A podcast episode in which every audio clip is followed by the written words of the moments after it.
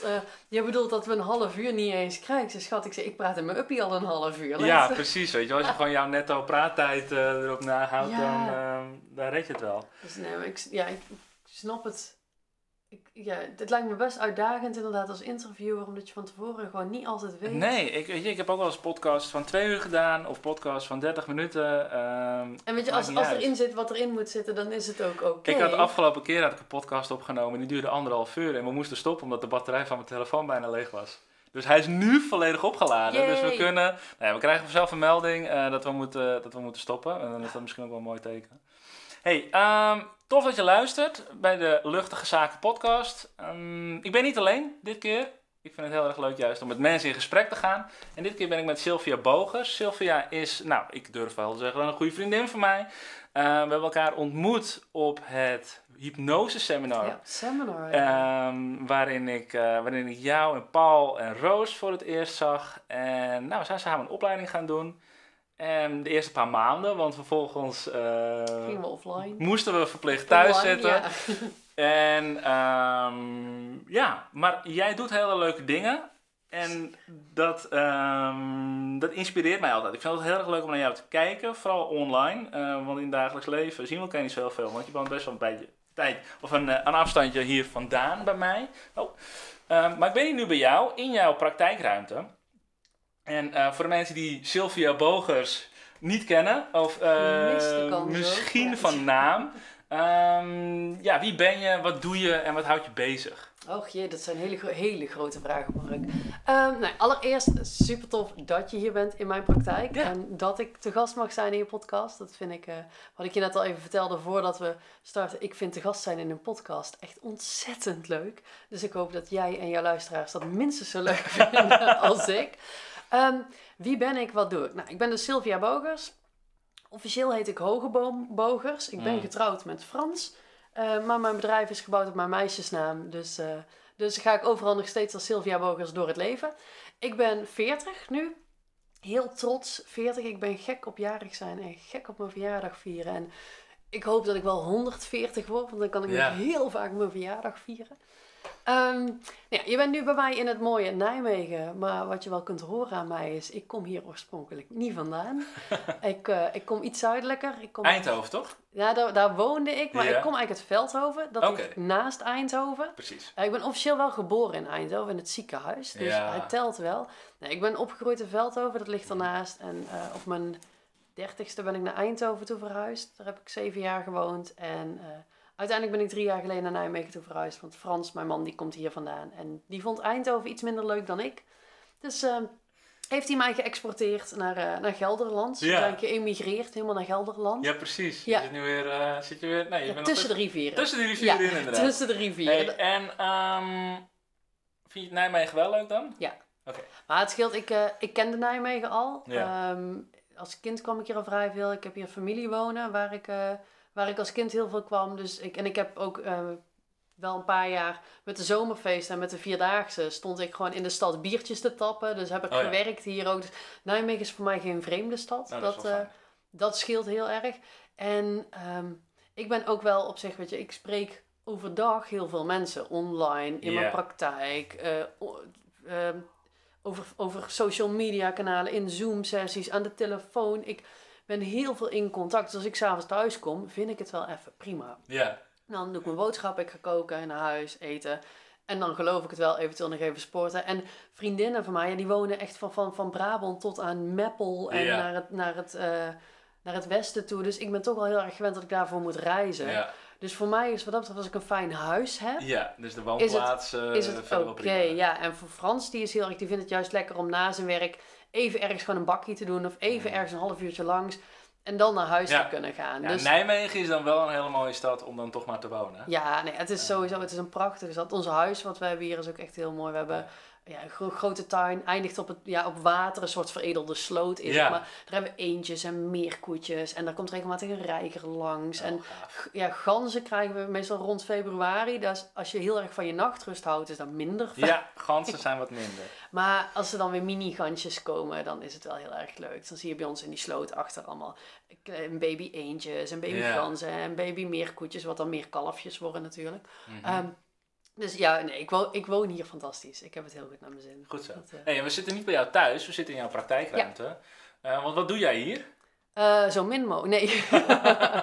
nee, um, nee, ik heb inderdaad, we zitten nu in mijn praktijkruimte en ik heb hiernaast nog mijn kantoor. Dus ik hmm. heb ook echt, ik doe niks van werk thuis. Ik doe echt alles buitenshuis. Ja. En ik ben uh, ja, een mindset magician. en um, als mindset magician help ik vrouwelijke ondernemers eigenlijk gewoon simpelweg aan de mindset voor een succesvolle praktijk. Mooi. En dat doe ik op verschillende manieren. Mm -hmm. um, dat doe ik enerzijds door hypnotherapie. Natuurlijk, zo kennen we elkaar ook. En anderzijds echt door business coaching. Ja. En, uh, nee, het wordt door, door zoveel gezegd, ondernemen is 20% strategie en 80% mindset. Dus met alleen strategie kom je er niet. Met alleen mindset kom je er ook niet. Nee, want dat vind ik juist zo mooi waarom ik hypno, uh, hypnose toepas in mijn, uh, in mijn praktijk. Um, omdat je dus ook nog een bepaald verhaal hebt wat je aan jezelf vertelt. De strategie is heel erg belangrijk. De juiste mindset, dus hè, de staat waarin je bent. Maar juist ook het verhaal wat je jezelf vertelt. Uh, misschien al jarenlang en op een onbewust niveau. Dat is wat veel mensen ook tegenhoudt. ik vind het interessante aan het stuk verhaal wat je jezelf vertelt. Um, op het moment, kijk, jij hebt dat, ik heb dat wij zijn ons heel erg bewust van het feit dat überhaupt verhalen bestaan. Dat het hele concept, je vertelt jezelf een verhaal, dat dat bestaat. Terwijl de meeste mensen hebben daar helemaal geen weet van. Ja, you don't know what you don't know. Dus als jij überhaupt geen weet hebt van, van het kan zo zijn dat ik mezelf een verhaal vertel, dan is dat jouw werkelijkheid. En sinds ik me heel bewust ben van dat hele concept, tackle ik het ook steeds sneller yeah. met andere mensen. En dat ik echt mezelf ook heel vaak echt letterlijk tegen een ander hoor zeggen: Ja, oké, maar dat is het verhaal wat je jezelf vertelt. Maar wat, wat nu als? Of hoe kun je dat verhaal aanpassen? Of wat zou je jezelf ook kunnen vertellen? En Precies. Dat is zo mega interessant. Ik heb um, laatst, met wie was dat? Volgens mij ook met een op opname van de podcast. Ik denk met Lisa. Wat ik, mm -hmm. uh, die, daar ging het er ook over. Um, over het, het feit dat jij jezelf een verhaal vertelt, getuigt van gigantische creativiteit. Ja. Want je kunt jezelf geen verhaal vertellen als je niet creatief bent. Dus voor iedereen die denkt, ik ben niet zo creatief, ja. dat is een verhaal wat je jezelf vertelt. Dat verhaal heb jij kunnen verzinnen. Dus puur het gegeven dat jij denkt dat je niet creatief bent, maakt al dat je het wel bent, anders had je dat niet verzonnen. Um, maar een verhaal vertellen is inzetten van je creativiteit op een niet handige manier. En eigenlijk wat wij vooral vanuit ons, ons coach-therapeuten vak ja. doen, is mensen diezelfde creativiteit in laten zetten op een welhelpende manier. Mm. En dat vind ik gewoon heel cool, dat je dezelfde skills in kunt zetten, maar dan op een handige manier. Ja, op een handige manier. Dus eigenlijk dezelfde creatiekracht, de creativiteit gebruiken, um, die je dus eigenlijk toch al in je hebt zitten. Ja. Alleen dan op een manier die wel voor je werkt, zodat je wel de resultaten gaat behalen die je wilt behalen. Het zij perso op persoonlijk vlak, zakelijk um, of whatever. Ja. Um, maar dat je die dan wel gaat halen. Ja, en het is, ik bedoel, kijk, jij, ik heb geen kinderen, maar nee. jij hebt natuurlijk een dochtertje. Mm -hmm. um, als je haar een verhaaltje gaat vertellen, kan je kiezen uit een mooi sprookje. Yeah. Of uit een uh, heel donker, zwart, spoken monstersverhaal. Ja ik durf zomaar te gokken dat je over het algemeen gaat voor het sprookje, want het is beter voor de nachtrust. Ja. En de wereldbeeld. Mm Dus jij kunt heel goed een sprookje bedenken. Maar wat heel veel mensen vervolgens doen als het om hun eigen verhaal gaat, gaan ze wel naar dat donkere en dat, dat zwarte en die Waarom monsters. Waarom is dat, denk jij? Uh, oh, oh, dat is een hele goede vraag. Waarom is dat? Waarom ze het... God, daar heb ik eigenlijk nooit over nagedacht. Waarom mensen dat doen? Terwijl ik daar nu over nadenk, vraag ik me ook af: zouden, we, zouden mensen overal ter wereld dat doen? Of zou het een maatschappelijk iets. Heb, heb, jij, heb jij er ooit over nagedacht? Heb jij een idee bij waarom ik, we dat ik doen? Ik hou heel erg van biologie en um, hè, waarom uh, dus zeg maar ons brein werkt zoals het werkt. Mhm. En ja, men zegt dat het iets met overleven te maken heeft. Dus op het moment dat jij alleen maar het positieve in de wereld ziet, Ehm, en er komt een beer op je afgerend. Weet je? Jij denkt knuffelen! En je denkt knuffelen, dan heb je een kort leven. Ja. Ehm, weet je? En ons brein is 100.000, 150.000 jaar geleden um, gevormd. Althans, dat staat in de geschiedenisboeken. Wat een verhaal is. Wat iemand ooit iemand anders heeft verteld. Ja. Precies. maar dat is het moment dat ons brein ontwikkeld is. Dus op het moment dat jij kritischer bent en je hebt een oog voor gevaar, ja, dan bestaat de kans dat je overleeft, is dan groter. Maar mag ik je onderbreken? Want wat ik dan heel interessant vind, want dat, dat, dat verzin ik nu ook ter plekke. Ehm, maar nu jij dat zo zegt, denk ik van ja, op zich, is, op zich klinkt dat heel logisch inderdaad. Dat het vanuit een soort overleving moet je bedacht zijn op gevaar. Ja. Maar als ik kijk naar de manier waarop uh, waarop sommige mensen tegenwoordig zeg maar, die creativiteit inzetten. Die zitten alleen maar thuis op de bank. Ehm, die gevaren te bedenken. Die zijn allerlei doemscenario's aan het creëren in hun hoofd, waardoor ze geen actie ondernemen. Als je dat dan weer vertaalt naar hoe oud ons brein is, zou dat betekenen dat die jager hongerdood sterft, omdat hij zijn hutje nooit uit is gekomen om überhaupt of dat die vrouw met die besjes plukken. Oeh, maar dadelijk pluk ik een besje wat giftig is. Of oeh, dadelijk kom ik een slang tegen. Of oeh, dadelijk kom ik die beer tegen. Ehm, dus ergens, want zij gingen wel in de actie. Omdat het ook weer een kwestie was van overleven. ik denk dat dat een stukje risicobereidheid is. Ja, zou die dan weg zijn? Ik denk inderdaad dat die wel maatschappelijk en cultureel weggenomen wordt.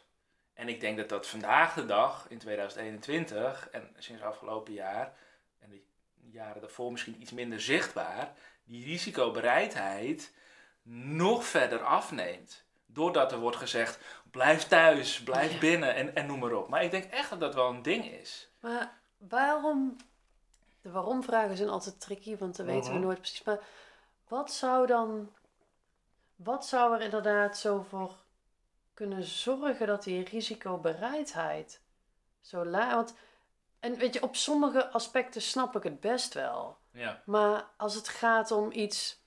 Ja, nu is het tricky, want ik wil zeggen iets simpels als zichtbaarheid op Instagram. Ja. Maar voor heel veel mensen is zichtbaarheid op Instagram is helemaal niet iets simpels en is juist echt. En dat, dat is, zeg maar, ze knuffelen liever een beer. Ja. Um, maar dat, dat, dat we dan van iets als zichtbaar zijn op social media, dat we daar al zo'n ding van maken waar dus blijkbaar een risico aan zit. Mhm. waarbij ik dan vraag, me eigenlijk afvraag welk. En Afwijzing. ja, maar wat is het risico? En dan? Oké, dat is ook weer iets wat eigenlijk vanuit de oertijd zou stammen. Op het moment dat jij door de mensen om je heen wordt afgewezen, dan word je uit de groep gezet. Ja, maar dan doen we dus sowieso al de aanname dat er een groep is waar we nu wel in zitten. Ja, je familie, je familiesysteem. Ja, oké, maar dan moeten we daar bovenop dus de aanname doen dat iedereen je af gaat wijzen. Het, het, het, wordt, het wordt zo groot gemaakt. Ja, precies. En dat is zo dat is dus, interessant. Ja, dat is dat stukje piekeren. En dat heeft ook iets met creatiekracht of creativiteit te maken. Want wat ze zeggen over piekeren, dat is eigenlijk de verkeerde kant op fantaseren. Ja, nou, precies. Ehm, maar ja, dat stukje afwijzing, waar mensen bang voor zijn, op een heel diep niveau, hè? Dat is niet wat, iets wat je nee, bewust nee, hebt. Nee, nee, dat, maar dat is, dat is natuurlijk sowieso, en dat is misschien wel handig om weer een keer te benoemen, want voor ons is dat zo logisch. Maar al dit soort processen gaan op onbewust niveau. En dat is ook iets wat ik tegen iedere klant waar ik mee werk wel minstens een keer zeg in een traject. Weet je, je doet dit niet bewust. Je doet dit niet expres. Je bent niet ochtends wakker geworden met nou, zal ik eens kijken hoe ik het mezelf vandaag weer eens ontzettend moeilijk kan gaan nee, maken. precies die processen gaan allemaal op onbewust niveau. En ik zie het als mijn taak om ze naar je bewustzijn te brengen. Zodat je je beseft, hey fuck, ik vertel mezelf een verhaal. Ik doe iets wat niet handig is. En dat we dan daaraan kunnen werken om dat anders te gaan doen. Precies, want voor iedereen die uh, linksom denkt, is er ook wel iemand die rechtsom denkt. Ja, en dwars door het midden. En, en dwars door het midden en terugkijkt. En iemand die er gewoon overheen gaat. En voor jou dan kijken van oké, maar hoe doet die persoon dat dan? En kan ik dat ook doen? Ja kan ik mezelf daarin een ander verhaal vertellen. Maar ik denk dat de grootste angst voor mensen is op het betrek, ja, om even kijken naar zichtbaarheid, om jezelf gewoon te laten zien, is afwijzing. Ja. Want als ik voor mijn verhaal ga staan, wat ik mezelf nu vertel, het nieuw verhaal, iets wat ik heel graag wil delen met andere mensen, ja, dan vindt ome Pieter daar wat van. Die mij als klein meisje kent toen ik nog verlegen en lief en schattig was. Toen jij een klein meisje was. Ja, ik heb ook geen allemaal Pieten. Maar weet je, ehm, nu vertel je jezelf een ander verhaal en dat wil je met de wereld delen. Maar ja, daar vindt iemand wat van. Ja, maar dat is dus... En dat is waar je dan op focust. Terwijl er ook heel veel mensen kunnen zijn die zeggen: Oh wauw, dankjewel dat je dit verhaal met me deelt. Dat, want, want we, ehm, als we maar één iemand kunnen verzinnen die hier mogelijk iets negatiefs van zou kunnen vinden, dan besluiten we iets niet te doen. Ja.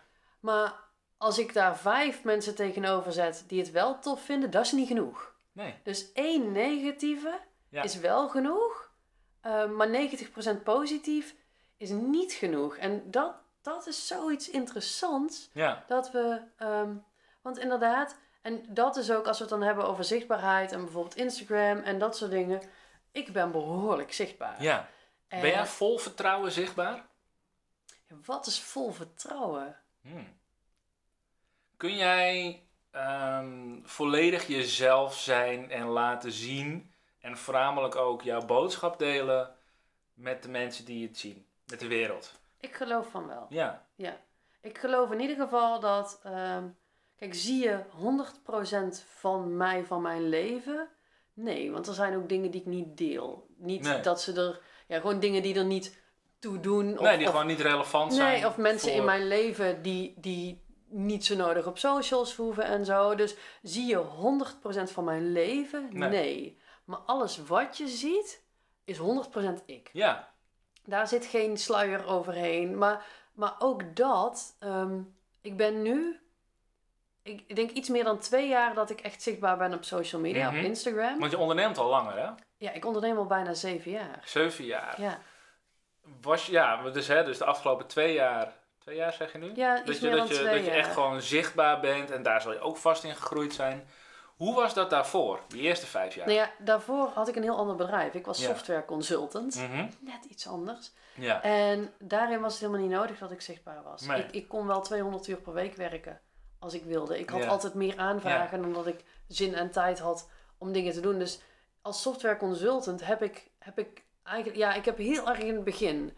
Um, heb ik iets meer mijn best moeten doen om aan klussen te komen. Tuurlijk. Uh, maar na de eerste twee klussen was dat klaar. Heb ik nooit meer zonder werk gezeten. Maar als je dan het zichtbare weghaalt van social media, dus gewoon zichtbaar zijn, zoals jij nu ook tegenover mij zit en zoals je door de straat loopt, was jij altijd vol vertrouwen zichtbaar? Jezelf? Nee. Nee. Nee? Zelfs mezelf niet. Dat, uh, ik, uh, ik heb heel lang geworsteld met überhaupt wie de fuck ben ik dan. Ja. Ik ben tot mijn zestiende gepest. Mhm. Eh, ik heb eigenlijk bijna altijd het gevoel gehad dat ik er niet bij hoorde. Dat mensen mij niet snapten, dat ik mensen niet snapte.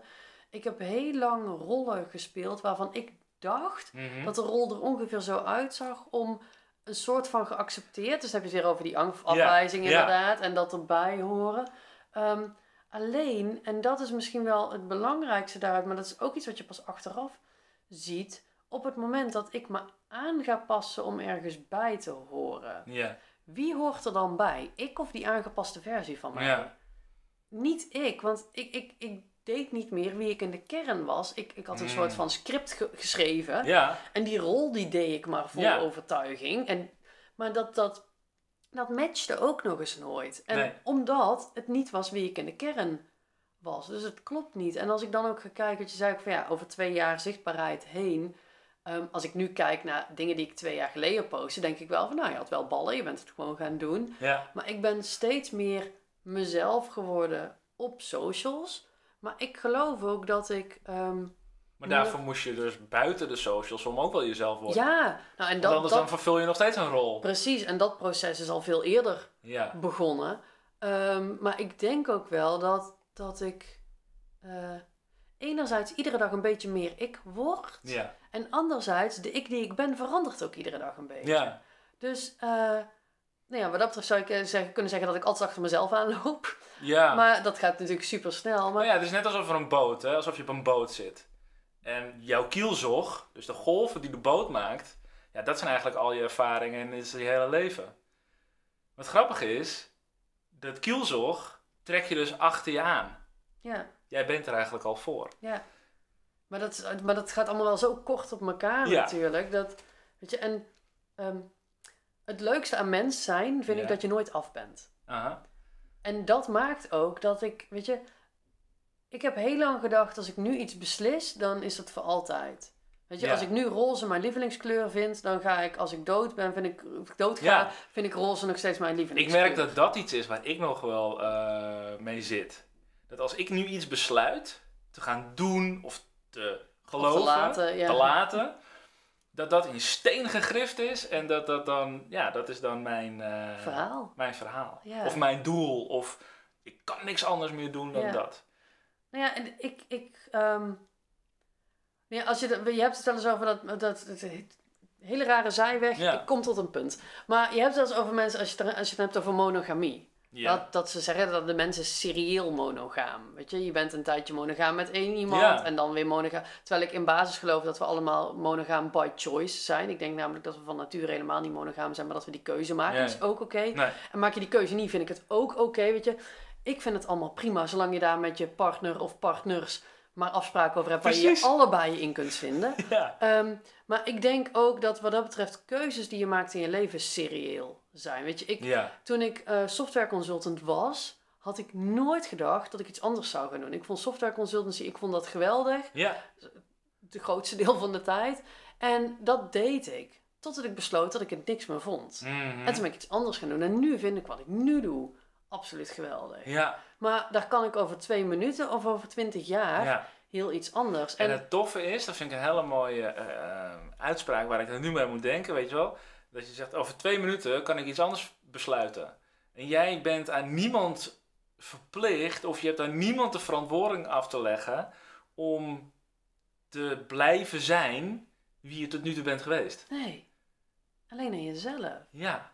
En als Weet je, als iets niet meer past, ja, blijf je er dan in frotten? Ja. Of, of besluit je dan inderdaad gewoon iets anders aan te trekken? Ja. Zeg maar. Ik vind het heel mooi, want ook daarin moet ik dan weer denken aan iets wat Paul, onze gezamenlijke vriend, uh, een tijdje terug zei. Je bent uitstekend. Je steekt sowieso uit. En dat kan op twee manieren zijn. Enerzijds in de rol die je graag vervult. Met dingen doen die je leuk vindt. Zoals jij nu doet. Mhm. Zoals ik nu doe voor het grootste deel van de tijd. Ehm, of in ehm, het, de rol die je zelf ooit hebt aangemeten met de maskers en de, de beperkingen die je, die je dan leeft. Je steekt sowieso uit. Want hoe vaak hoor je wel niet uh, in een functioneringsgesprek of zo, weet je wel, dat een leidinggevende dan tegen je zegt: Ja, ben je hier wel echt gelukkig? Mensen zien het aan je op het moment dat je met een masker rondloopt. Wat bizar is dat mensen het vaak eerder zien dan jij. Juist, de buitenwereld ziet het. Dus je, je bent überhaupt uitstekend. Maar ja, hoe wil je uitsteken? Ja, en... Door gewoon lekker jezelf te zijn? Of door raar in zo'n te klein pak te lopen? Ja, dat je een soort Picasso-schilderij wordt. Ja, precies. Weet je wel, mensen valt het sowieso op hoe je erbij loopt. Ja, en het is ook... Dat een van, um, een van de uitspraken die mij altijd heel erg, die mij niet altijd, maar de laatste jaren heel erg heeft geholpen, is: niks is voor altijd. Nee. Niks hoeft. En, en daarop aansluitend, dingen zijn leuk zolang ze leuk zijn. Ja. En dat heb ik, ik heb dat gehad met banen. Toen ik nog in loondienst was, ik heb geen enkele baan langer dan twee jaar volgehouden. Nee. De meeste zelfs maar zes maanden, negen maanden, een jaar. Ja. En dan vond ik het niet meer leuk. Terwijl als ik erin zat, vond ik het geweldig. En dingen wij zijn leuk totdat ze niet meer leuk zijn. En dat heb ik met banen, met vriendschappen, met relaties. Met, met, weet je, ik kan vol gas ergens voor gaan. Ik kan in het moment iets helemaal geweldig vinden. Ja, en op een ander moment niet. Maar dat is ook omdat ik als mens blijf groeien, blijf ontwikkelen. Ja, en hoe ehm, ga je dan daarmee om naar buiten toe? Dus jij besluit voor jezelf, hey, ik vind dit niet leuk meer, dit past mij niet meer. Ik, Oké, dus eerst moet je nee zeggen tegen iets. Dat is belangrijk, denk ik. Dus oké, dit dan niet. Mhm. En dan maak je een andere keuze. En die kan voor jou helemaal gerechtvaardigd zijn. En je kan het helemaal aan jezelf uitleggen. Maar hoe doe jij dat dan naar buiten toe? Hoe, hoe ja, kies je dan voor iets nieuws? Uh, hoe kies je dan voor iets? Ja, het is nogal een verschil natuurlijk waar we het over hebben. Hebben we het over een paar schoenen wat niet meer lekker loopt? Of hebben we het over een partner of over werk? Daar is het zit verschil? Natuurlijk, ik denk het wel. Ja, en die schoenen hoef je ehm, niks uit te leggen. Die hebben geen mening. Nee, nou en zelfs... Ehm, kijk, als ik, ik... Ik heb op een bepaald moment heb ik... Uh, nee, een stapje eerder. Na, ik heb HAVO gedaan. Daar heb ik zes jaar over gedaan. Ehm, en daarna wilde ik, ik wilde accountant worden vroeger. Mm. Want cijfers die doen altijd hetzelfde. Ja. Ehm, en dat snapte ik. Dat had logica voor mij. Dus ik wilde graag met iets logisch werken. Want in die fase snapte ik mensen nog niet. Nee. Ehm, inmiddels heb ik er vrede mee dat ik ze niet snap. en, is, en is het oké. Ehm, Ja. En vind ik dat juist het mooie aan mensen. Maar vroeger, omdat ik ook probeerde heel erg erbij te horen, was mensen niet snappen, was voor mij niet te doen. Ja. Dus ik wil accountant worden. Ik ben naar mijn HAVO accountancy gaan studeren. Mhm. Maar eh, heel dat, dat onderwijssysteem waar ik in kwam, dat stond me niet aan. Na een half jaar kreeg ik, eh, wij kregen één keer per blok een tentamen en dat was dan voor tien studiepunten. Oké. En dat was ook nog heel erg ongestructureerd. Eh, Gok zelf maar een beetje wat je moet leren. Niet helemaal mijn systeem. Maar na een half jaar, ik had mijn tweede tentamen gehad. Ik sta voor dat bord en ik kijk en ik zie dat ik een 3,3 heb. En in dat moment heb ik mijn... Ik had toen net een mobiele telefoon, een paar een jaar geloof ik. In dat moment heb ik mijn moeder gebeld en gezegd... Mam, ik stop met mijn opleiding.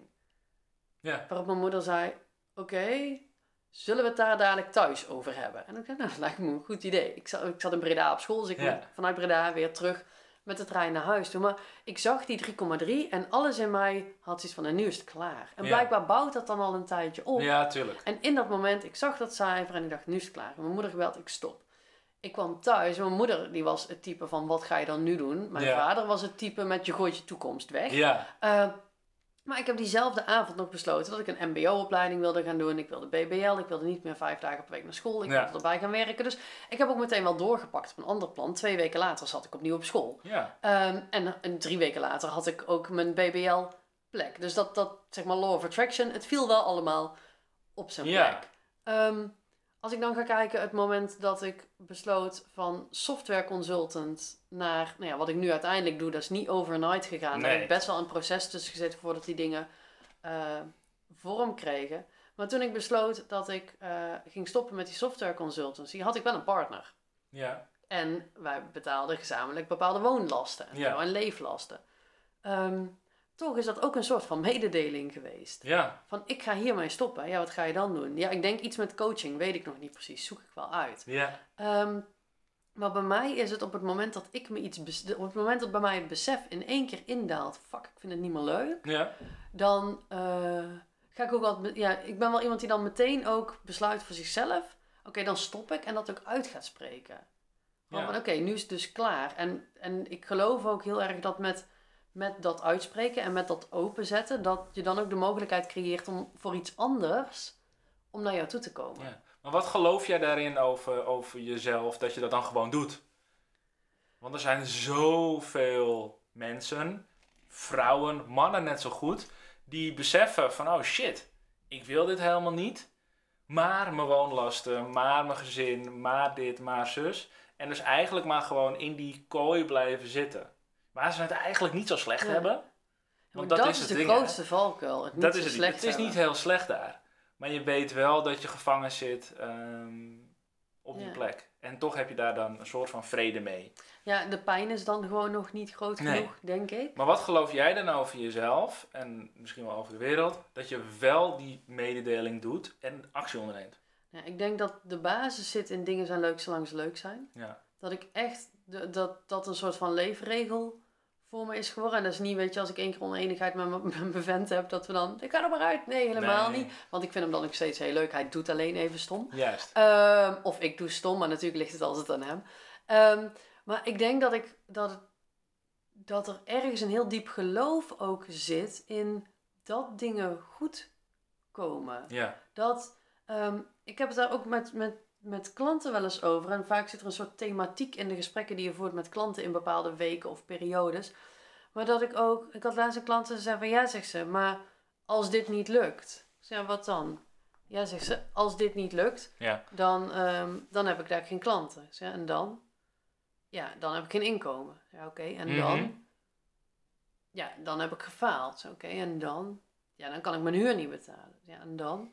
Ja, dan moet ik mijn huis uit. En dan? En zo bleef dat een tijdje doorgaan. Ja. zei ik tegen ik zeg, en als je nou heel dat stappenplan wat je net hebt uitgeschreven hè, gaat bekijken.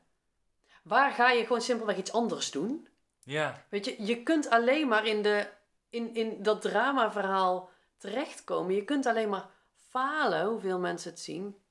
Als je één ding doet, dat werkt niet. En dan ga je in een hoekje zitten en denk je, zie je wel? Ja. Weet je, maar toen ik besloot te stoppen met software consultancy en eh, een opleiding tot presentatiecoach te doen, Ja. daar wilde ik niks mee. De- Ik deed die opleiding en hoe verder ik in die opleiding kwam, hoe meer ik dacht, oh fuck, dit wil ik in ieder geval niet. Nee. Als ik die opleiding niet was begonnen, had ik dat nooit ontdekt. Nou had ik twee dingen kunnen doen. Of ik was in die opleiding, nadat ik presentatiecoach was geworden, dat ik die opleiding had gedaan, was ik met frisse tegenzin het presentatiecoachingvak ingestapt. Ja. En dan had ik het niet leuk gevonden, had ik er ook geen geld mee verdiend, had ik mijn huis moeten verkopen, bla bla bla. Ga je Ja. helemaal die afgrond in. Of ik deed wat ik deed. Hé, hey, ik vind dit niet leuk, maar ik heb je wel skills geleerd die tof zijn. Wat ga ik nu doen? Ja. Weet je, dus, dus het is nooit te laat om weer een andere keuze te maken. En de Nee. enige manier waarop je heel zo'n dramaverhaal in kunt. ehm, en dat het ook echt het aller, allerergste doemscenario... dat je stinkend onder een brug eh, sterft van de hongerdood. Ja. Weet je, dat, dat kan alleen maar als je daar ook blijft zitten. Als je daarop gaat zitten wachten. Ja, en het is... Oh, wie zei dat nou laatst? Was dat, niet, was dat ook Paul of iemand anders? Een soort orakel, hè, die gast. Ja, ja. Paul, daar komen allemaal weetjes en wijsheden uit. Maar het kan ook zijn dat het iemand anders was. Ja. Maar ehm, dat verhaal, zeg maar, van, van zo'n man op zo'n eiland... ehm, dat zijn boot is gezonken... Mhm. En dat hij dan iedere dag bidt tot God eh, om van dat eiland af te komen. En dat er dan eh, mensen aankomen met een bootje met ga met ons mee. En dat zegt nee, nee, nee, ik, eh, ik heb hulp gevraagd aan God. Ik wacht tot hij me komt helpen. En dat er dan weer een bootje, die gaat met ons mee. Nee, ik wacht op hulp van God. Dat die Ja. uiteindelijk doodgaat, bij de hemel komt. En dat, dat, hij, dat hij dan tegen God zegt van ja, en waar was je hulp? En dat God zegt hoeveel boten moet ik langs sturen? Ja, Weet je? precies. Maar dat is het ook een Ja. beetje. Dat, en ik geloof dat er altijd bootjes blijven komen. Ja. En je hoeft maar op zo'n bootje te stappen. En weet je, wie weet, misschien strand je met dat bootje op een volgend eiland. Nou en, er is Ja. misschien iets anders Wat te kom je eten. misschien een leuke persoon tegen? Ja, dus, en... dus ik ben... En, en tuurlijk, dat is ook iets wat ik heel onbewust heb ontwikkeld, dit. Hè? Dat, ik, dat ik gewoon... eh, nou ja, wat dat betreft me heel makkelijk af laat leiden, mee laat nemen. Ook wel heel vaak nee. Want ondernemers ook heel, heel erg nee zeggen. Dus ook genoeg plannen krijgt waar ik Ja, niks mee doe. nee zeggen, vind ik ook zoiets moois. Ja, maar het is voor mij wel dat ik heb door de jaren heen wel een beetje een flow ontwikkeld waarin ik ehm, in ieder geval het volste vertrouwen heb Mhm. dat zolang ik bereid ben om andere keuzes te maken wanneer iets niet werkt, Ja, dat het dan altijd goed zal komen. ja. Dat. En wanneer besluit je dat iets niet werkt? Want dat kan, dat kan je na een uur al hebben. Dat, oh, dit gaat niet werken. Dit lukt niet. Of een dag, weet je wel, dat je nog geen resultaat hebt. Ja, dat is denk ik. ehm, Ik pak ondertussen nog wat water. Oh ja, dat is goed. Dat, eh, Praat wel verder. Ja, nee, dat is ook weer natuurlijk afhankelijk van de situatie. Maar het is, ik vind wel, je moet iets fatsoenlijk geprobeerd hebben. Ja. Net als weet je, als je één keer woorden hebt gehad met je partner. Ehm, dan moet je niet meer zeggen, oh, dit werkt niet. Ja, tenzij het over iets heel dramatisch is. Maar dan ga je ook iets vaker, zeg maar van grond, ga je ook iets vaker het gesprek aan. Maar Ja. op het moment dat ik ehm, echt merk dat ik iets niet leuk vind. Dat ik, ik heb bijvoorbeeld, ik heb een tijdje nieuwe maanhypnoses gedaan. Mhm. Ehm, deed ik op de dag van de nieuwe maan, deed ik s'avonds laat een groepshypnose. Maar op de nieuwe maan, omdat Michael Palachek al met volle maan doet. Eh, niet alleen Michael, natuurlijk. maar omdat ik dacht, er wordt zo weinig aandacht besteed aan de nieuwe maan. Terwijl de Ja. nieuwe maan het begin is van een nieuwe periode. Ja. Het, het, het moment van creatie. Weet je, Mhm. de volle maan ben je al halverwege. Ben je eigenlijk te laat. Dus ik, ik vond juist nieuwe maan tof. Maar ik merkte dat ehm, ik eigenlijk met alles wat ik al deed... helemaal, geen, eh, helemaal niet de tijd en de ruimte wilde pakken... om die nieuwe maanhypnose ook te verkopen. Want ja. Ja. je kunt wel iets bedenken, maar als je iets bedenkt... dan staan de mensen niet meteen rijen dik voor je deur. Dus Nee. ik moest het verkopen. En eigenlijk had ik daar helemaal geen zin in om daar tijd voor te maken. Maar het was ook altijd s'avonds. En laat ik nou s'avonds eigenlijk helemaal niet willen werken. Dus ik heb dat een paar keer gedaan. En de Ja. eerste keer had ik al een aantal aanmeldingen. Ik dacht, oh, dat is wel leuk. Ik vond het ook echt leuk om te doen. Want ik hou van hypnoses doen. Ehm, de tweede keer kostte het me al wat moeite om mensen te krijgen. En toen dacht ik, ik weet ook eigenlijk helemaal niet of ik hier zin in heb. Ik geloof dat ik hem de derde keer niet door heb laten gaan. Omdat ik maar één aanmelding had. En toen de vierde keer had ik er wel wat meer. Eh, ging het ook wat makkelijker. En toen dacht ik van oké, als het zo loopt, dan vind ik het wel leuk. En toen Mhm. had ik hem gedaan. En toen zat ik s'avonds hier te wachten tot de opname geüpload was. En toen had ik echt, ik denk, nee. Dus ik, ik laat het wel een paar keer Ja. gebeuren. En toen heb ik hem gewoon nog één keer gedaan. En ik van nou, afsluiter gewoon. Dan kan ik het voor mezelf afronden. Ja. En dan weet ik ook van tevoren dat het de laatste gaat zijn. Maar dat was, je, moet iets wel serieus geprobeerd Ja. hebben. Dus jouw stelregel, zes maanden. Eh, nee, want het ligt echt heel erg aan wat. Ik heb net bij mijn software consultancy, toen ik daarmee wilde stoppen. Ja. Ehm, het moment dat ik me dat echt besefte, van hé, hey, ik, ik wilde eigenlijk niet meer.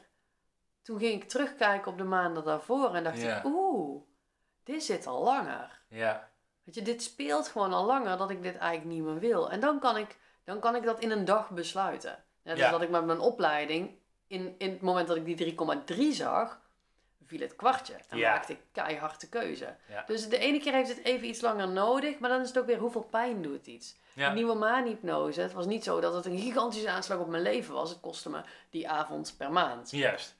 Is best te overbruggen, maar een paar keer dacht ik, eh, ik krijg, dit kost me meer dan dat het me oplevert in energie. En dan ook puur de energie. Het geld vind ik veel minder belangrijk daar. Mm, ja. Ehm, dus, dus dat had iets meer nodig. Maar een opleiding met een 3,3, dat was wel echt dat ik dacht, oh fuck, weet je, dan moet ik de hele blok over gaan doen. Daar heb ik helemaal geen zin in. Of die software consultancy, dat was het enige wat ik deed op dat moment. Ik dacht, ik, ik, ik, ik wilde niet meer. Nee. Dus ja. Dus het, het is verschillend. Het is net een beetje hoe groot de impact op mijn leven is. Ehm, en zeg maar, hoe groter de impact op mijn leven, hoe makkelijker ik die keuze zal maken. Ja. Maar goed, we hadden het dus inderdaad eventjes van hoe lang probeer je nou iets? Hoe lang zet je jezelf nou ergens nou, Dat is vaak ja, drie tot zes maanden. Ja. Ja, en dat is wat ik, wat ik ook mijn klanten echt altijd adviseer. ja, mhm. weet je, geef iets drie tot zes maanden een serieuze kans. Want zeker op het moment dat je als ondernemer nieuwe dingen gaat doen. De mensen staan niet meteen rijen dik voor je deur. Je hebt echt even een periode nodig om te zien wat je doet. En jij hebt ook die periode nodig. Ja. Dat, dus, en dat is net als, ja, weet je, mensen die dan zeggen van ja, ik heb een keer een nieuwsbrief gedaan, kwam helemaal geen reacties op. Jo. Weet je, ik stuur, um, ik denk al zeker een jaar, iedere week een nieuwsbrief. Mhm. En ik heb ooit weken achter elkaar dat ik er geen reacties op krijg. Nee. Ik vind het prima, want ik weet dat ik mensen wel inspireer. En, ja. Uh, maar zo ook met social media post. Ik krijg bijna nooit reacties. Ja, vraag je erom? Ja, precies. Het is ook heel vaak dat er niet gevraagd wordt. Nee. Maar mensen doen vaak één ding. Of ze liken, of ze reageren, of ze slaan het op, of ze zijn gewoon fucking geïnspireerd en ze scrollen door. Ja, of het doet ze helemaal geflikker. Nee, inderdaad. Maar, weet je, de mensen die... Ik, ik heb ook... Um, ik kreeg afgelopen jaar op een gegeven moment een, een mailtje van iemand. Hey, ik sta al meer dan een half jaar op je mailinglijst en ik vind het echt super gaaf wat je iedere week schrijft. Ik wil graag een call met jou om te kijken of wij met elkaar kunnen werken. Ja. Ik had nog nooit van haar gehoord. Ik wist niet eens dat zij op mijn mailinglist stond. En vervolgens komt ze op, voor mij opeens in mijn mailbox met: hey, ik wil klant bij jou worden. Terwijl ze dus al meer dan een half jaar iedere week door mij geïnspireerd werd. En dat is ook waarom je dingen een bepaalde periode moet blijven doen. Ja. Um, omdat je gewoon, je, je, ja, you don't know what you don't know. Je weet niet hoeveel mensen je ermee raakt, hoeveel mensen geïnspireerd raken. En er zijn er gewoon maar weinig die dat kenbaar maken. Ik bedoel, kijk eens naar hoeveel nieuwsbrieven je zelf ontvangt.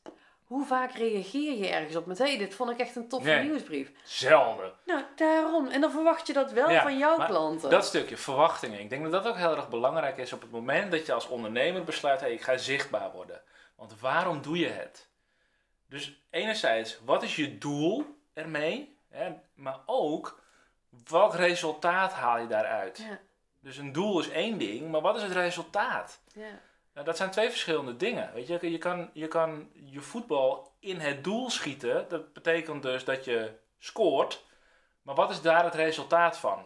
Nou, als ik het vaker doe naar mijn tegenstander, dan win ik. Dus de, het, het, verschil tussen je doel behalen... En dan moet je het ook nog in het goede doel trappen. Is ook belangrijk. Maar een stukje verwachting is ontzettend belangrijk. Want stel je besluit, hey, ik ga zichtbaar zijn. Want in dat wat ik doe als ondernemer is dat belangrijk.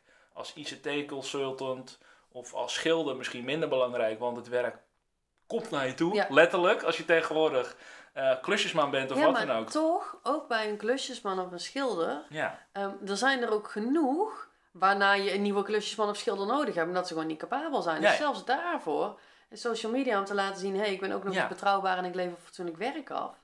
Kan heel goed werken. Maar goed voor de mensen die dus inderdaad in de coaching of als therapeut werken, ehm, die dus besluiten, hé, hey, als ik meer klanten wil, dat betekent dat ik zichtbaar moet zijn. Maar wat is daadwerkelijk dat wat je verwacht van een social media post? Ja, en dan ook... Verwacht je likes, verwacht je... Ja. Um, ik en denk dat dat wel belangrijk nee, En ik denk dat, dat heel veel, zeker startende ondernemers, die verwachten meteen klanten te krijgen. Ik denk dat mijn eerste klant via social media, dat het misschien wel een, een, een half jaar tot een jaar geduurd heeft. Ja. Dat iemand mij benaderde. Weet je, ik ben wel altijd heel actief met interactie aangaan. Als mensen mij gaan volgen. Um, ja, ik moet zeggen, afgelopen week had ik het zo druk. Ik kreeg zoveel nieuwe volgers dat ik het af en toe niet bij kon bij. Maar ik probeer echt iedereen persoonlijk een berichtje te sturen. Om ze in ieder geval welkom te heten als volger. En weet je, ik zoek wel die interactie op met mensen. Als mensen op mijn stories reageren, dan reageer ik vaak op. Ik, ik volg niet iedereen terug die mij volgt. Dat is niet te doen. Nee. Um, maar het is wel, weet je, heb jij de verwachting dat mensen interactie met jou aangaan? Kijk eens hoe vaak jij de interactie met iemand anders exact. aangaat. En weet je, als je social media, tuurlijk, ehm, als ik geen ondernemer zou zijn, denk ik dat ik niet eens social media zou hebben. Hoe leuk ik het ook vind, het is een gigantische aanslag op mijn tijd.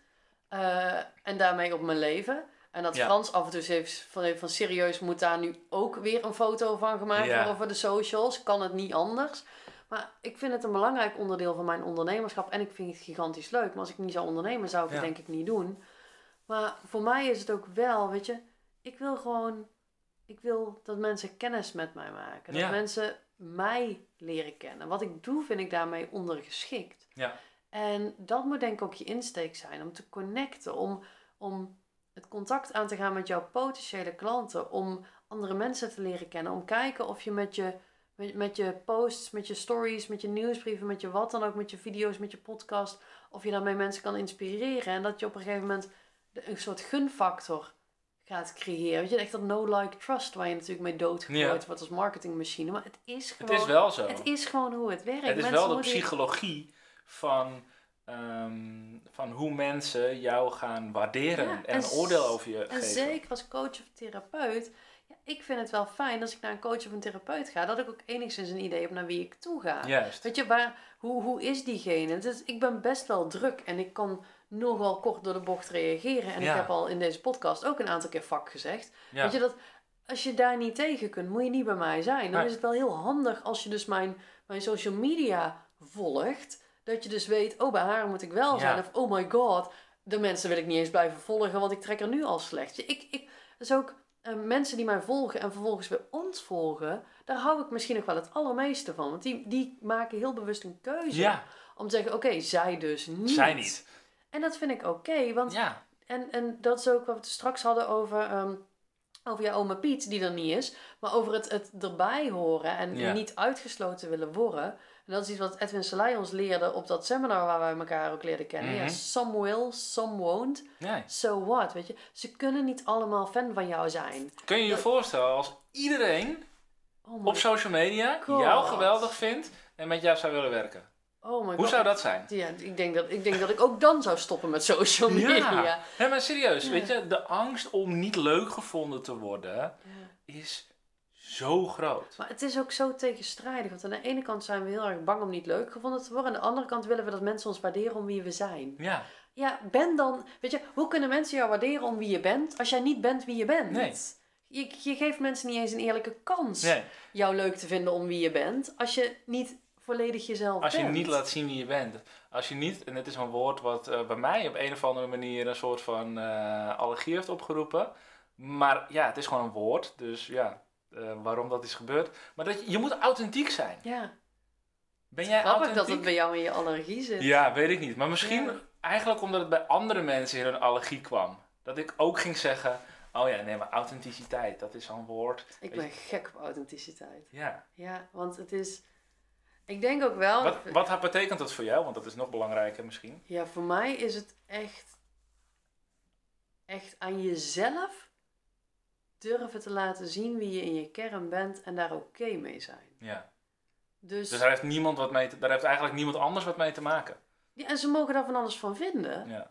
Maar ik vind authenticiteit is ja, van buiten laten zien wat, wat je van binnen echt in je kern bent en daar zelf oké mee zijn. En ben ik dan automatisch echt volledig oké met alles van mezelf? Tuurlijk niet. Ik, ik vind dingen ook wel eens stom. Ik vind ook wel eens dat mijn gezicht heel lelijk is.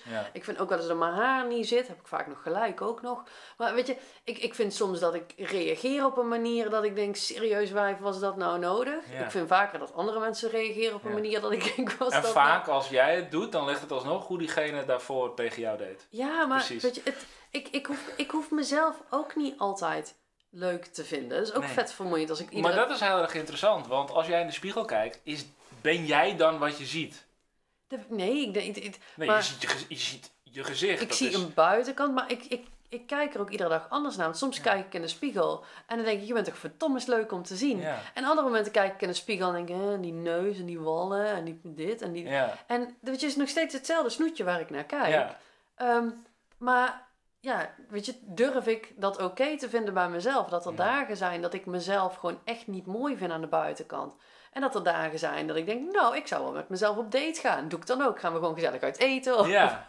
maar um, weet je, ook dat stuk van jezelf oké vinden. En, en dat wil niet zeggen dat je dan meteen dan mee te koop hoeft te lopen of tegen iedereen hoeft te vertellen. Weet je, je hoeft ook niet op social media al je huilbuien mee te doen. Ik huil bijna nooit. Dus als je mij ooit gaat huilend gaat zien op social media, dat gaat, dat gaat echt een uitzondering zijn. um, als ik dan al een keer huil, dat ik dan nog de moeite ga nemen om mijn telefoon te pakken, waarschijnlijk niet. Nee, dan ben je niet echt meer in dat moment. Uh... Nee. Uh, en, en, en waarschijnlijk wil ik dan wel even in het moment zijn om ergens doorheen te gaan. Juist. Um, maar het is voor mij wel die authenticiteit. Uh, ja, ik geloof wel dat, dat als je dat een soort van kunt masteren, voor mhm. zover dat je daar levels in hebt. Ja, maar gewoon oké zijn met Als je gewoon oké bent, met wie je bent en er ook oké mee bent dat je jezelf de ene dag leuker vindt dan de andere dag. En dat je ook weet dat er ook weer oké momenten gaan komen. En mhm. betere momenten en momenten dat je jezelf geweldig vindt. Maar gewoon jezelf omarmen met alles wat er is. En weet je, uh, het is deel verhaal wat je jezelf vertelt. Het is deels ehm, dingen die gebeurd zijn in je leven, waarom je doet wat je doet, waardoor je reageert zoals je reageert. Het zijn delen in jezelf die soms ehm, bepaalde reacties geven. Weet je, ehm, we, we doen allemaal maar wat. Tenminste, ik doe de hele dag door maar wat. Ja. Ik kloot maar gewoon aan en dan zie ik wel of het lukt. En daar heb ik met mezelf zodanig vrede mee dat het, dat het oké is. En ik, ik heb wel ik denk als je mij nu op, op Instagram volgt, mijn nieuwsbrieven leest, al dat mhm. soort dingen. Uh, of je mij nou in het wild tegenkomt of wat dan ook. Ik ben, ja, jij kunt dat denk ik wel bevestigen of ontkrachten, maar dat hoop ik niet. maar dat waar je mij ook tegenkomt, ik ben altijd ik. Ja. En uh, zonder, zonder script, zonder rollen. En natuurlijk, inderdaad, op socials laat ik niet alles zien. En tijdens de opleiding zie je mij ooit als de geïrriteerde student die je niet overal tegenkomt. En als ondernemer, mijn klanten zien mij ook weer in verschillende rollen. Weet je, mijn, mijn rol als hypnotherapeut. En als hypnotherapeut zit ik anders in mijn energie dan wanneer ik nu zo met jou in gesprek ben. En weer anders in mijn energie dan wanneer ik zeg maar in het zonnetje ergens op een strand en op een feestje sta. Ja. Maar het is allemaal wel 100% ik. Het zijn rollen die ik speel uh, maar die echt van mij zijn. Ja. Does that make any sense? Ja, voor mij wel. Maar hoe ontdek je nou dat die rol dan echt bij jou past? Oh.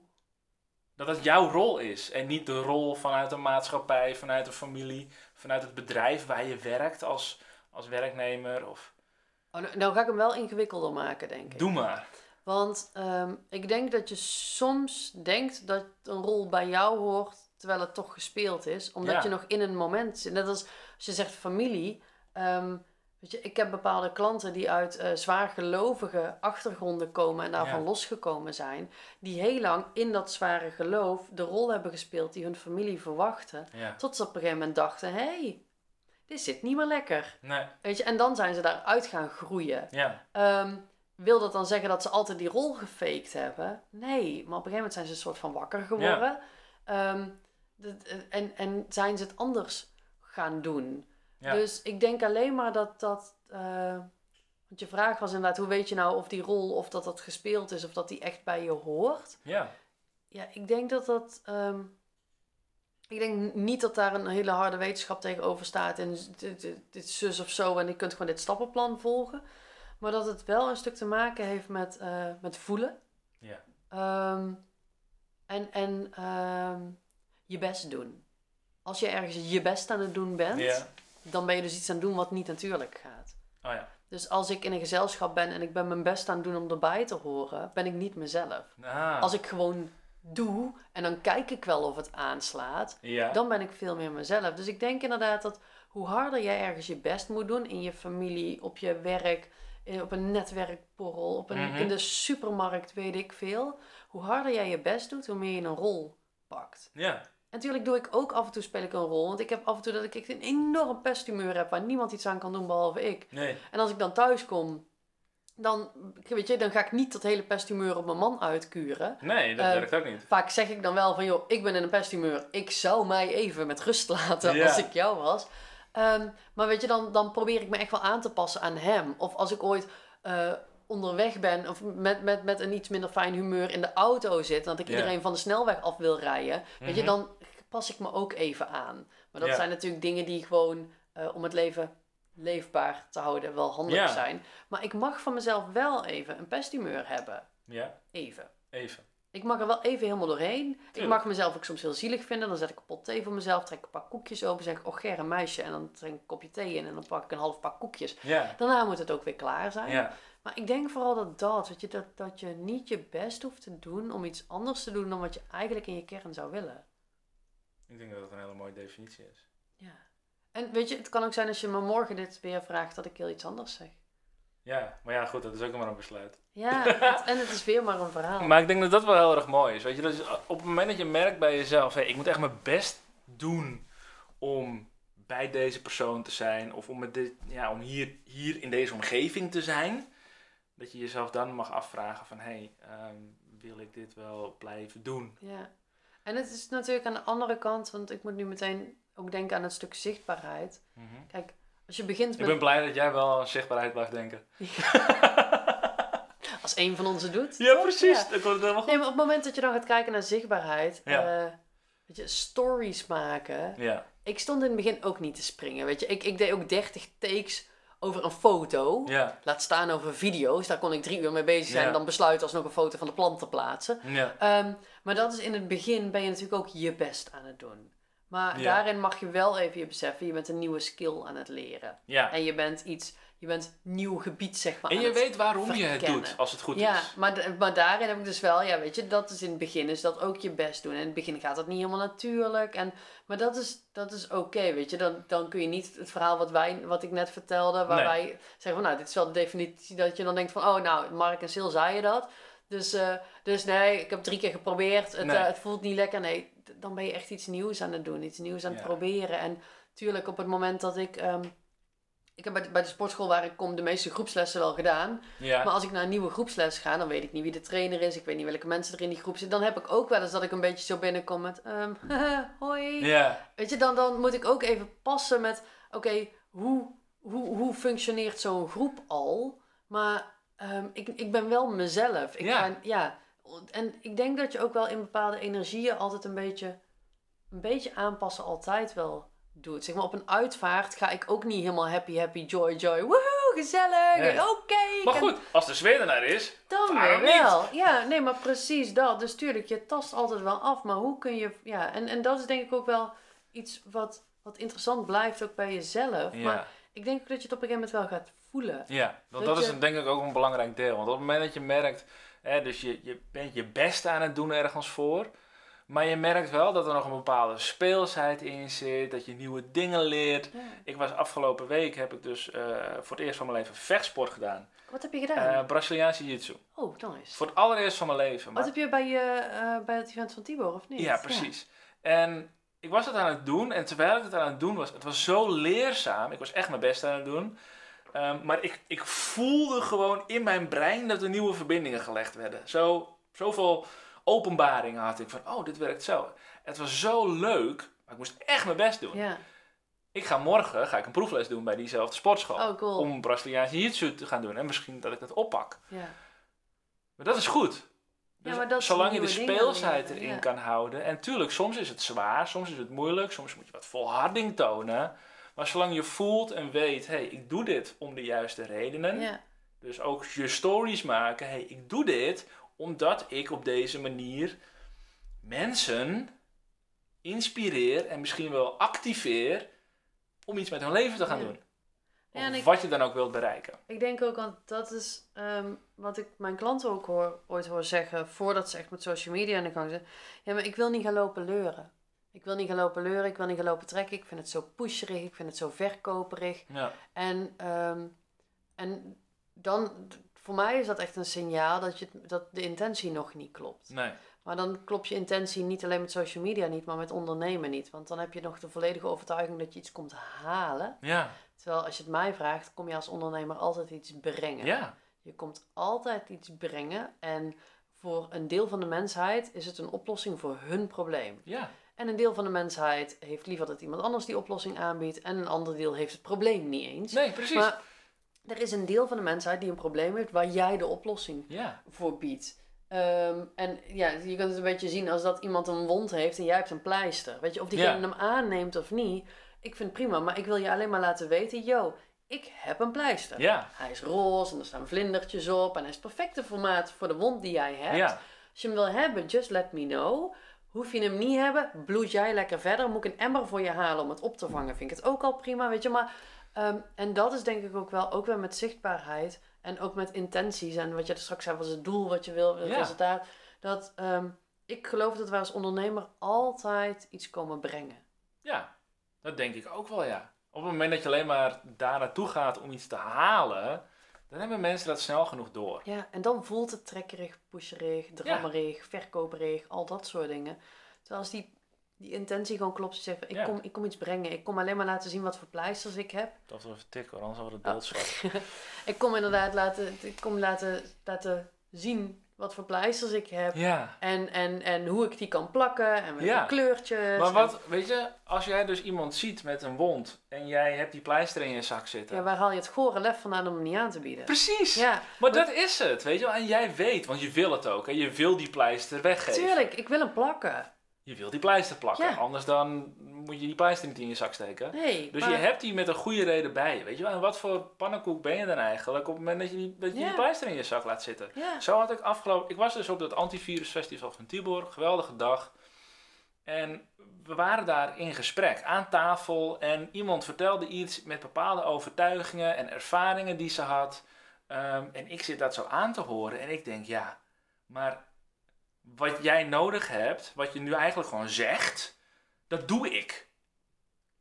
Dus ik heb haar aangeboden om daarover in gesprek te gaan. Period. ja. Ik heb er nog niet eens gepitcht wat ik dan doe en wat Nee. de investering is. Want ik mag niet zeggen wat het kost. Ik Nee, als investering praten over investeringen. is. Ehm, weet je, maar daar gaat het nog niet eens om. Ik weet dat ik die pleister heb voor haar wond. Ehm, laten we in gesprek gaan om te kijken of jij die pleister wilt. En moet je hem daarna niet, is het ook prima. hey, even goede vrienden, want ik vind je nog steeds een tof wijf. Ja. Weet je wel, ehm, en dan gaan we verder met ons leven. En dan Maar ga jij een andere pleister vinden. waar haal je het lef vandaan om het niet aan te bieden? De- Ik, ik vind als ondernemer heb jij de plicht om te verkopen. Ja, Je hebt de plicht om die ander te informeren over het feit dat jij een pleister Ja. hebt. En het allerleukste is, en eh, ik denk dat dat de reden is waarom we er überhaupt zijn, geven. Ja. En dat, dat, dat voelt het lekkerst. Aan het eind van de dag, als je iets gegeven hebt, als je iemand hebt kunnen helpen met dat wat jij Ja. bij je draagt, dat voelt het lekkerst. ja. Als je alleen Waarbij maar ik met jezelf wel, bezig heel bent. eerlijk, als ik er niks voor zou krijgen, zou ik het niet doen. Omdat het energetisch dan niet klopt.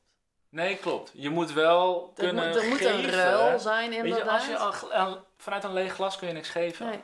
Dus er moet wel ehm, een, een, je moet wel jezelf kunnen Ja. vullen. Ehm, Maar ja, ik goed. was super blij van, weet je, als, als, als hypnotherapieklant een mega transformaties hier, dat ze in de stoel zitten en dat je het eind van zijn sessie vraagt, als je nu hebt een probleem, denkt, hoe is het dan nu? En dat ze echt aan het graven zijn. Zeggen, welk probleem? Weet je, hoezo kwam ik hier zo zwaar binnen? Wat, wat, wat, hoezo had ik ergens last van? En fuck, kan het Hè, zo makkelijk? Ja, Nee, dat was ik niet. Nee, maar dat, weet je, dan, dan ja, ik, ik zit hier nog regelmatig met mijn bek open, dat ik Ja. denk, fuck, heb ik daar zojuist bij geholpen? Dat is Ja. echt geweldig. En Ja.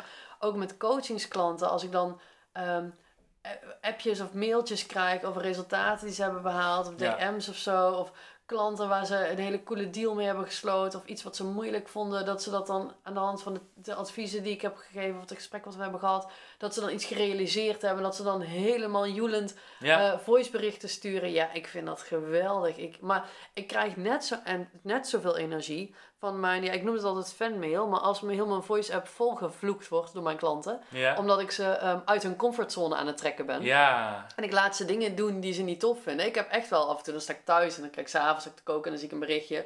En dan, ik heb echt klanten die mij af en toe een kutwijf noemen en die echt niet blij zijn. Maar dan wel echt oprecht met liefde. Ik zeg het ook altijd tegen Frans, ik heb een fanmail. En dan zeg ik, kut, wat je nou gedaan? Ja. Maar ik weet gewoon, ze zijn aan het groeien. ja. Dus of ze nou en dan heb je groeipijn. en of ze nou joelend of vloekend ehm, naar mij terugkomen. Ik vind het allemaal geweldig, want ik weet dat ik iets geraakt heb. Ja. Waardoor zij groeien als mens, als ondernemer, in, in hun leven, in hun onderneming. Ja, en ik geniet daar gigantisch van. Dat je gewoon het kleine Want wat is daarin jouw, jouw missie in het die mensen helpen? Als je een missie kan noemen. Wat doe je? Is het mensen wakker maken? Is het mensen eh, aan het werk zetten? Ja, het is... ehm, oh god, ik heb uh, nooit over nagedacht, maar dan kan ik ter plekke. Ja, Het, is, het eerste wat in me opkomt zegt groeien. ja mensen, groeien. helpen groeien. Ja, Ehm, en dan, dan in basis als persoon. Mhm. Omdat ik geloof dat je bedrijf nooit groter kan zijn dan jij als persoon. precies. Dus, eh, dus jij moet altijd een stapje voor zijn en dan kan je bedrijf Ja. volgen. En dat is weer dat mindset strategie stuk. Ja. Dat je jouw mindset moet een stapje hoger voordat ik jou de strategie aan kan bieden. Maar jij bent, Waarmee je die je bent net ook- zo groot als je gedachten. Ja, Dus als je grote gedachten hebt, ja, dan kun je als mens groeien en van daaruit kun je je rol Ja. als ondernemer laten groeien. ja, dus ik denk dat dat inderdaad... Nou, ik, zeg, ik help vrouwen aan de mindset voor een succesvolle praktijk. Ja, Ik, ik help ze groeien. ja, Ja, je helpt ze groeien. Ja, en daar hoort groeipijn bij. ja. En sommige mensen die uiten dat. Maar, ja, maar, maar- dat maakt jou niet uit, Oh nee, ik, want ze groeien. Ik hou ervan. Ik, Ja. ik- dat, dat, eh, omdat ik, ik weet dat ik altijd met, met de allerbeste intenties en met alle liefde die ik in me heb, Ja, hun help. ja, En eh, als ze dan vloekend en tierend terugkomen, dan weet ik, yes, er is, Er is groei. iets, er is iets gebeurd, er is groei. Dus Ja. ik, ik, word daar, ja, ik word daar intens gelukkig van. Ja. Zolang het wel altijd respectvol is. Weet je? ja, natuurlijk. Ehm, maar maar, maar ik, ik, ik kies mijn klanten erop uit. Ja. Dus dat gaat ook, weet je, dat moet ook twee kanten als op mensen echt menen wat ze zeggen en ze blijven erbij, ja, dan... Ja, dan, ja dan, dan, maar dan krijg ik vaak ook, ja, vaak ook, nee, dat heb ik nog nooit gehad. Maar ik denk, dat- denk dat ik dan een ander soort mails en zo zou krijgen. Nee, maar dat, dat maar is het ook. inderdaad, het is voor mij echt op het.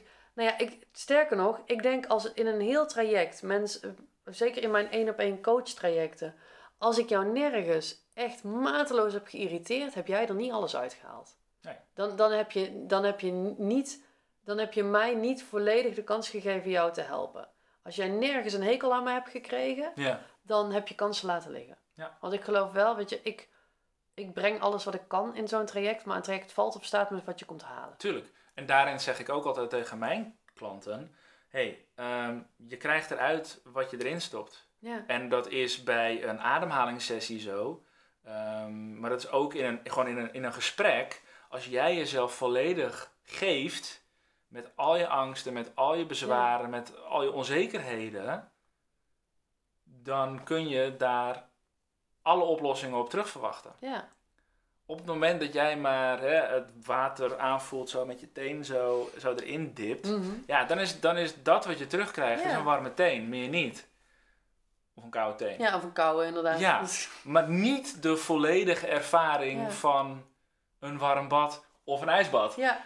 Ehm, en dus dat is zo ontzettend belangrijk. Dat is je eigen intentie. En ook een stukje overgave daarin. Ja, dat Laat ook, het maar gewoon ik. gebeuren. Dat doet me denken aan, ik ben afgelopen donderdag eh dagje naar de sauna toe geweest. Ja. En eh, hier uh, Terme Berendonk in Ja, Wiegen. ja, ken hem. Ja, daar hebben ze dat meer waar je in kunt. Op een of andere manier was ik nog nooit dat meer in geweest. Nee. Ik weet niet waarom, maar afgelopen donderdag dus wel. En dan, weet je, ik, ik kwam net uit de sauna. Ik had al koude douche gehad. Dus ik was al, dat meer voelde prima. Uh, maar inderdaad, ik ging gewoon vol erin. Terwijl er dan ook mensen aankomen die echt zo millimeter voor millimeter erin Ja. schuifelen. En, en anderen die ook weer vol enthousiasme erin. Of mensen die tot hun navel en dan niet verder. Ja. En weet je, dat, dat is natuurlijk ook gedrag wat ik bij mijn coachklanten zie. ja. De ene gaat er vol overgave in en die, die dompelt zich helemaal onder. En die laat alles over zich heen komen. De volgende is schuifel, schuifel. En die moet je af en toe even een keer een duwtje in de rug geven. Ja. Dan is er eentje die gaat in het begin gaat tot daarna vol er vol gas in. En dan gaat de rem erop. Ja. Ja, weet je, dat, dat, dat, dat is gewoon heel interessant om dat te zien. En natuurlijk tackle ik dat bij mensen ook wel. En natuurlijk haal ik mensen ook al even aan en spiegel ik ze wat ze aan het Ja. doen zijn. Ehm, maar het is wel inderdaad echt, ja, wat, wat kom je halen? En dat, Ja. is, dat is als je met een coach werkt, dat is als je met een therapeut werkt. Maar dat is ook uit het leven zelf, weet je. Blijf jij thuis op de bank zitten veilig en ga je zitten wachten wat er maar gebeurt? Ja. Of ga je gewoon de boer op, ga je dingen halen Ja. en zie je wel Ja. wat er gebeurt. Dat, en ik denk alleen maar dat, ja, hoe meer je bereid bent om je neus te stoten, hoe meer je eruit kunt halen. Ja, en even terugkomend op dat, zeg maar, dat, dat afwachtende en dan uiteindelijk hongerig onder een brug terechtkomen. Ik denk dat op het moment dat je gewoon in beweging blijft en gaat kijken, hé, hey, wat heb ik de wereld te geven? Wat krijg ik ervoor terug? Wat kom ik halen? Wat kan ik geven? Ik denk dat zolang je dat blijft doen, actief, dat de angst om hongerig onder een brug terecht te komen steeds kleiner wordt en uiteindelijk zelfs af, afneemt. Ja. Want werkelijkheid zal het nou, 9 van de 10 keer nooit worden. Werkelijkheid zal het niet worden. Maar de angst bestaat Nee, wel. Maar ik denk maar dat als je bezig Als blijft. je nu naar jezelf, zo wil ik je onderweg. Ja? Als je nu naar jezelf kijkt, is, is het een angst die jij nog herkent? Nee, nooit gehad. Heb je hem ook nooit, Nooit gehad, gehad. ook? Nee. Ehm, ik, ik ben van jongs af aan op een of andere manier, want ik ben er niet mee opgegroeid, altijd de overtuiging gehad: het komt wel goed. Het komt wel goed. En, en eh, mijn allereerste transformatiecoach, die, die, die zei dat over zichzelf ook altijd. hey, zolang ik een plek heb waar ik mag slapen en te eten kan krijgen, dan vind ik het allemaal wel prima. Dan kan ik doen wat ik wil, dan ben ik vrij. Ja. Nou ja, ik, ik zat me net af te vragen, heb ik ooit echt die angst? Ik heb wel onzekere periodes gehad. Tuurlijk. Zeker toen ik, eh, toen ik begon met ondernemen, zeven jaar geleden. Ja. Eh, het eerste half jaar gebeurde er helemaal niks. Mhm. Toen was mijn spaarsaldo ook wel bijna weg. Ja, Ja, toen heb ik hem echt wel even gevoeld. tuurlijk. Maar eh, ik wist wel, ik kan altijd nog weer gaan solliciteren. Ik wil, Tuurlijk. wil niet zeggen dat ik dan wel een baan kreeg, want het hele probleem was, ik kreeg iedere keer maar geen baan, daarom ben ik gaan ondernemen. Ja. Eh, maar dat ik wel dacht van, ja, ik kan altijd... En, weet kan altijd wat. en al moet ik dan een klote baantje aannemen, iets zwaar onder mijn niveau, maakt niet uit. Maar ik kan altijd iets doen waarmee Ja. ik wat geld bij elkaar kan schrapen. Juist. Ehm, en dat was ook, toen heb ik mijn eerste opdracht uiteindelijk gekregen. Die heeft een paar maanden geduurd. Toen heb ik weer een paar maanden zonder opdracht gezeten. En toen, toen wist ik ook weer, weet je, toen het water me redelijk aan de lippen begon te staan, kwam er weer een nieuwe opdracht. Dus ik heb ook wel, zeg maar, in mijn leven was het altijd wel net op tijd dat Het komt weer... altijd precies Ja, op het juiste moment. Vaak zo'n just-in-time management. Ja, en Ehm, ik denk dat dat te leren valt, want dat herken ik. Dat ik dus op een gegeven moment, nou, ik ben ook aan het ondernemen. En nou ja, goed, je krijgt geld voor een traject. Bij mij in ieder geval, ik krijg geld als Mhm. ik een traject verkoop. En ik verkocht net genoeg trajecten om de maand rond te komen. Ja. Dus eigenlijk kreeg ik precies genoeg voor wat ik op dat moment nodig had. Dus hetzelfde als dat er precies genoeg lucht inademt als dat je nodig hebt. Stel je voor, je ademt alle lucht in die je de rest van je leven nodig hebt, ja, dan ontplof je. Ja, waar laat Ehm, je die dan? Of ik ja. geef je nu ineens al het eten wat je de rest van je leven nodig eh, hebt. Ja, wat ga je ermee doen, weet je wel? Ja. Dus ik kreeg precies genoeg als wat ik nodig had. En eigenlijk is dat gewoon prima. Maar goed, je wensen veranderen, je leefstijl verandert. Ehm, dus daarin geloof ik ook dat het heel erg belangrijk is dat je precies weet wat je wilt, slash nodig hebt, Mhm. om te leven zoals je wilt leven. ja, ik denk dat op financiën daarin ook wel dat je je eigen plafond creëert. Ja. Maar wees daarin wel bewust van, oké, maar wat heb ik nodig? Wat wil ik hebben? En ik geloof dat op een of andere manier komt dat ook op je pad. Ja. Als je maar echt zeker weet en uitzendt, hey, dit heb ik nodig. Ja, maar het is Heb ook... je ja. 1000 euro in de maand nodig? Ja, of 10.000 of 100.000. of 10.000? Ja. Het komt op je pad. Want jouw onderbewuste gaat uiteindelijk de dingen doen die ervoor nodig zijn om 1000, 10.000 of 100.000 euro per maand op je bankrekening bij te schrijven. Ja. En natuurlijk is het, weet je, ehm, de kans dat je als startende ondernemer, als je dan, oh dan doe maar 100.000. Ja, de kans dat dat gaat lukken is gewoon vrij klein, omdat je het nog niet kunt dragen. Ja, maar dat Je is een als- kwestie van chunken. Ja, maar je bent als persoon dan, weet je, in maand 1 ben jij nog niet groot genoeg Nee. om dat soort bedragen. Maar dat kan wel je lange termijn doel zijn. Ja. Plus, je moet een soort van doel met dat geld hebben. Puur ik wil het op mijn bankrekening hebben staan. Nee, je, het gaat er juist om. Wat wil je ermee creëren? Welk leven wil je creëren waar je dan dat geld voor nodig hebt? Hey, als jij de wereld wil uitbetalen in eieren, ga je jezelf dan afvragen: hey, hoeveel eieren heb ik nodig om. Ja, en, en welke hypotheekverstrekker accepteert ze? Precies. Weet je, maar kijk voor jezelf: welk leven wil ik creëren? Wat heb ik daarvoor nodig? En ga dan kijken, nou, eh, wij betalen hier elkaar met euro's. Ehm, of krediet. Ja, weet ik veel hoe je het noemt. Weet je, dus, maar wij betalen elkaar hier met euro's of dollars. Ja, hoeveel heb ik dan nodig om dat leven te creëren? Niet, oh doe maar 100.000, want dat zegt mijn business coach ook. Ja, heeft geen zin. Nee. Plus, het, het, ehm, ja, echt het stukje kunnen dragen. Weet je, als ik kijk toen ik begon met, met hypnotherapie, uh, mijn sessies kosten toen minder dan de helft van wat ze nu kosten. Ja. Maar het bedrag wat ik nu vraag, had ik toen niet kunnen dragen. Nee. Dat had ik nooit kunnen vragen. Maar bij mij was dat anders. Ja, vertel. Ja, voordat ik hypnotherapie deed, deed ik uh, breathwork trajecten. Ja. Drie maanden trajecten met ademwerk erin, verschillende soorten ademwerk en coaching. Eigenlijk een vergelijkbaar traject als wat ik nu doe, alleen met andere gereedschappen. Andere tools. Andere tools. Um, en daar vroeg ik uh, ruim 1000 euro voor, destijds. Toen ging ik de hypnoseopleiding doen en ging ik me volledig richten op de hypnotherapie. Ademwerk deed ik er nog wel bij, want dat was nog steeds een van mijn tools. Maar alle hypnotherapeuten deden drie sessies voor nou, uiteindelijk iets van 150 euro per sessie. Dat is wat men in de opleiding aangaf. Nou, als iedereen dat doet, en ik begin ook nu net, dan ga ik het ook, doen. Dus ik ging opeens van een drie maanden traject met zoveel sessies voor een hoog, relatief hoger bedrag, naar slechts drie sessies in vijf weken voor nog geen 500 euro. Dus ik was hier, ik was zo groot, en opeens ging ik mezelf hierin proppen. Dat is ook niet lekker. Het stroomde vol gaan meten. Nee. Het ging niet, want ik was daar. Ja. Maar ik ging me hier gedragen. Aanpassen aan de rest. Ik ging me aanpassen aan de rest. Pas op het moment dat ik daar achter kwam en ik ging weer, oké, ik ga weer in die, in die grootsheid die ik nu, of die ik eerder deed, toen kwamen de klanten weer. Ja. En het gaf me ook veel meer rust, want ik hoefde nog maar de helft van de... Ja, hoorde maar de helft van de klanten binnen. Ja, maar dat ook. Dat... En, en het doet mij wel denken aan de tijd ook dat ik als... als en nu vraag ik zelfs weer het dubbele daarvan. Ik had het als softwareconsult. Ik geloof dat ik voor mijn allereerste traject als softwareconsult, dat was gewoon een uurtje factuurtje werk. Ik geloof dat ik daar 32,50 of 37,50 per uur ja. kreeg. Ik vond het mind-blowing. Ik kwam uit loondienst. Ja. En ik kon opeens in, in drie weken... In, in drie weken van twee dagen kon ik mijn oude maandsalaris verdienen. Ik vond het geweldig. Ja. echt. En dat, dat in het begin steeg dat, dat tarief langzaam. Toen ik ermee stopte vijf jaar later, vroeg ik 125 euro per uur. Ja. Dat is gewoon echt drie keer zoveel, meer dan drie keer zoveel. Meer dan, ja, bijna vier keer. Ja, bijna eh, vier keer. Dus, en, uh, en was je daarmee een van de duurdere consultants? Um, wel de, een van de duurdere ZZP'ers. Oké. Um, er waren mensen die via bedrijven, weet je, die echt via bedrijven in dienst en zo. Want die bedrijven die verdienden daar nog heel dik op. Maar die mensen kregen dan zelf weer minder natuurlijk. Ja. Dus ik was, ik was wel een van de duurdere. Uh, maar het werd met liefde en plezier voor mij neergelegd, want ik was ook gewoon fucking goed in wat ik ja, deed. Maar dat was 125 euro voor een uur.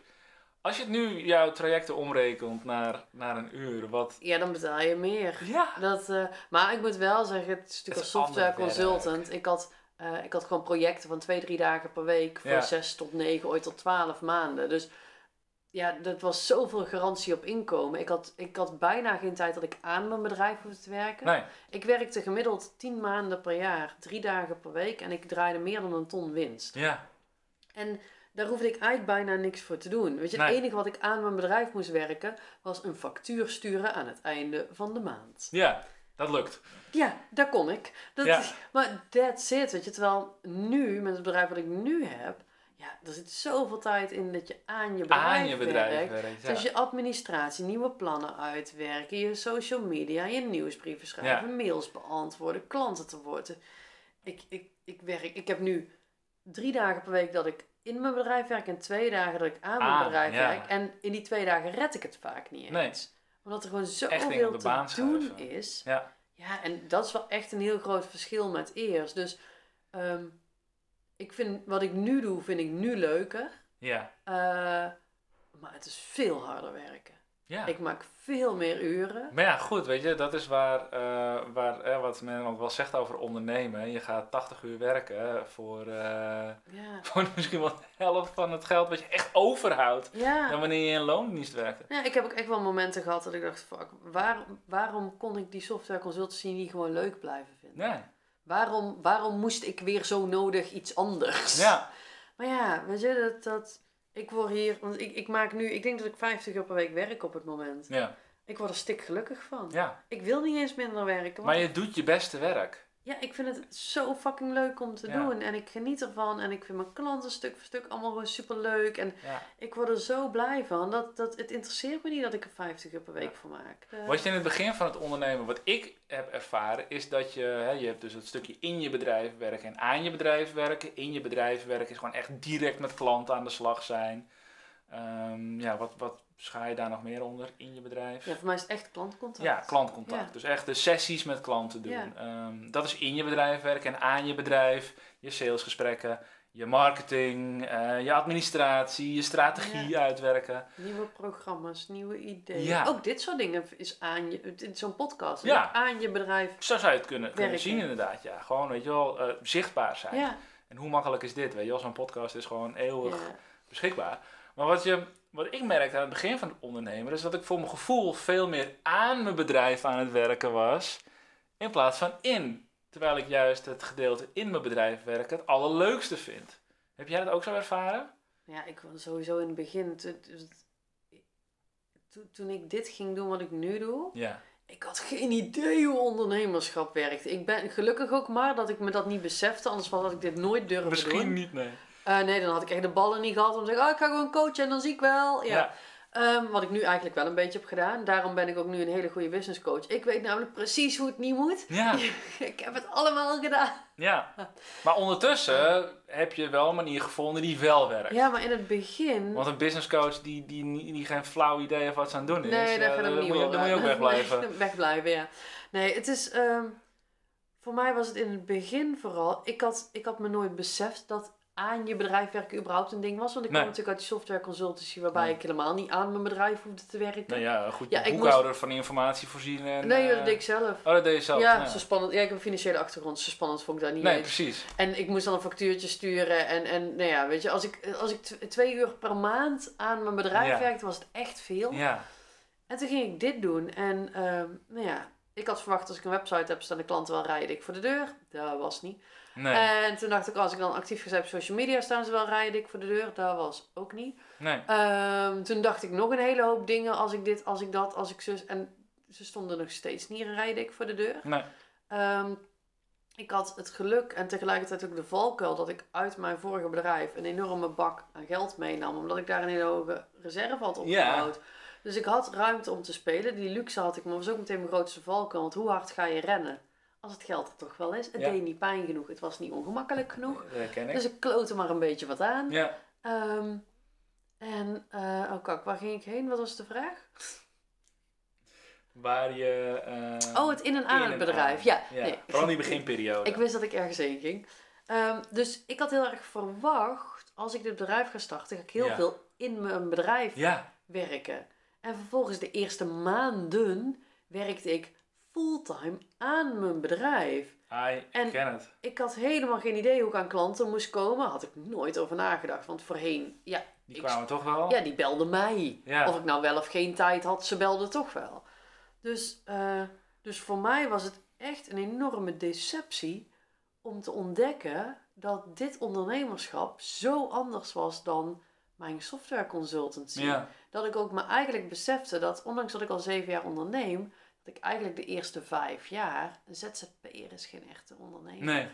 Ik, ik was gewoon, ja, een factuurtjeschuiver denk ik. Ja, alleen je rechtsvorm is anders. Ja, Maar verder, maar verder inderdaad, en dat nu, dat is dat echt over ondernemerschap hebben. Kijk, ik was wel, ik was zelfstandig. Ik had mijn eigen facturen Ja. te sturen, mijn eigen uh, tarieven te bepalen, mijn eigen opdrachten te je kiezen. Je kan nee zeggen. Ik kan nee zeggen. Tegen een werkgever is dat minder makkelijk. Ja, ik liep risico als ik ziek zou worden, als, ik, als er een opdracht weg zou vallen, als, al dat soort dingen. Weet je, op dat vlak onder, onderneemde ik al wel. Ja.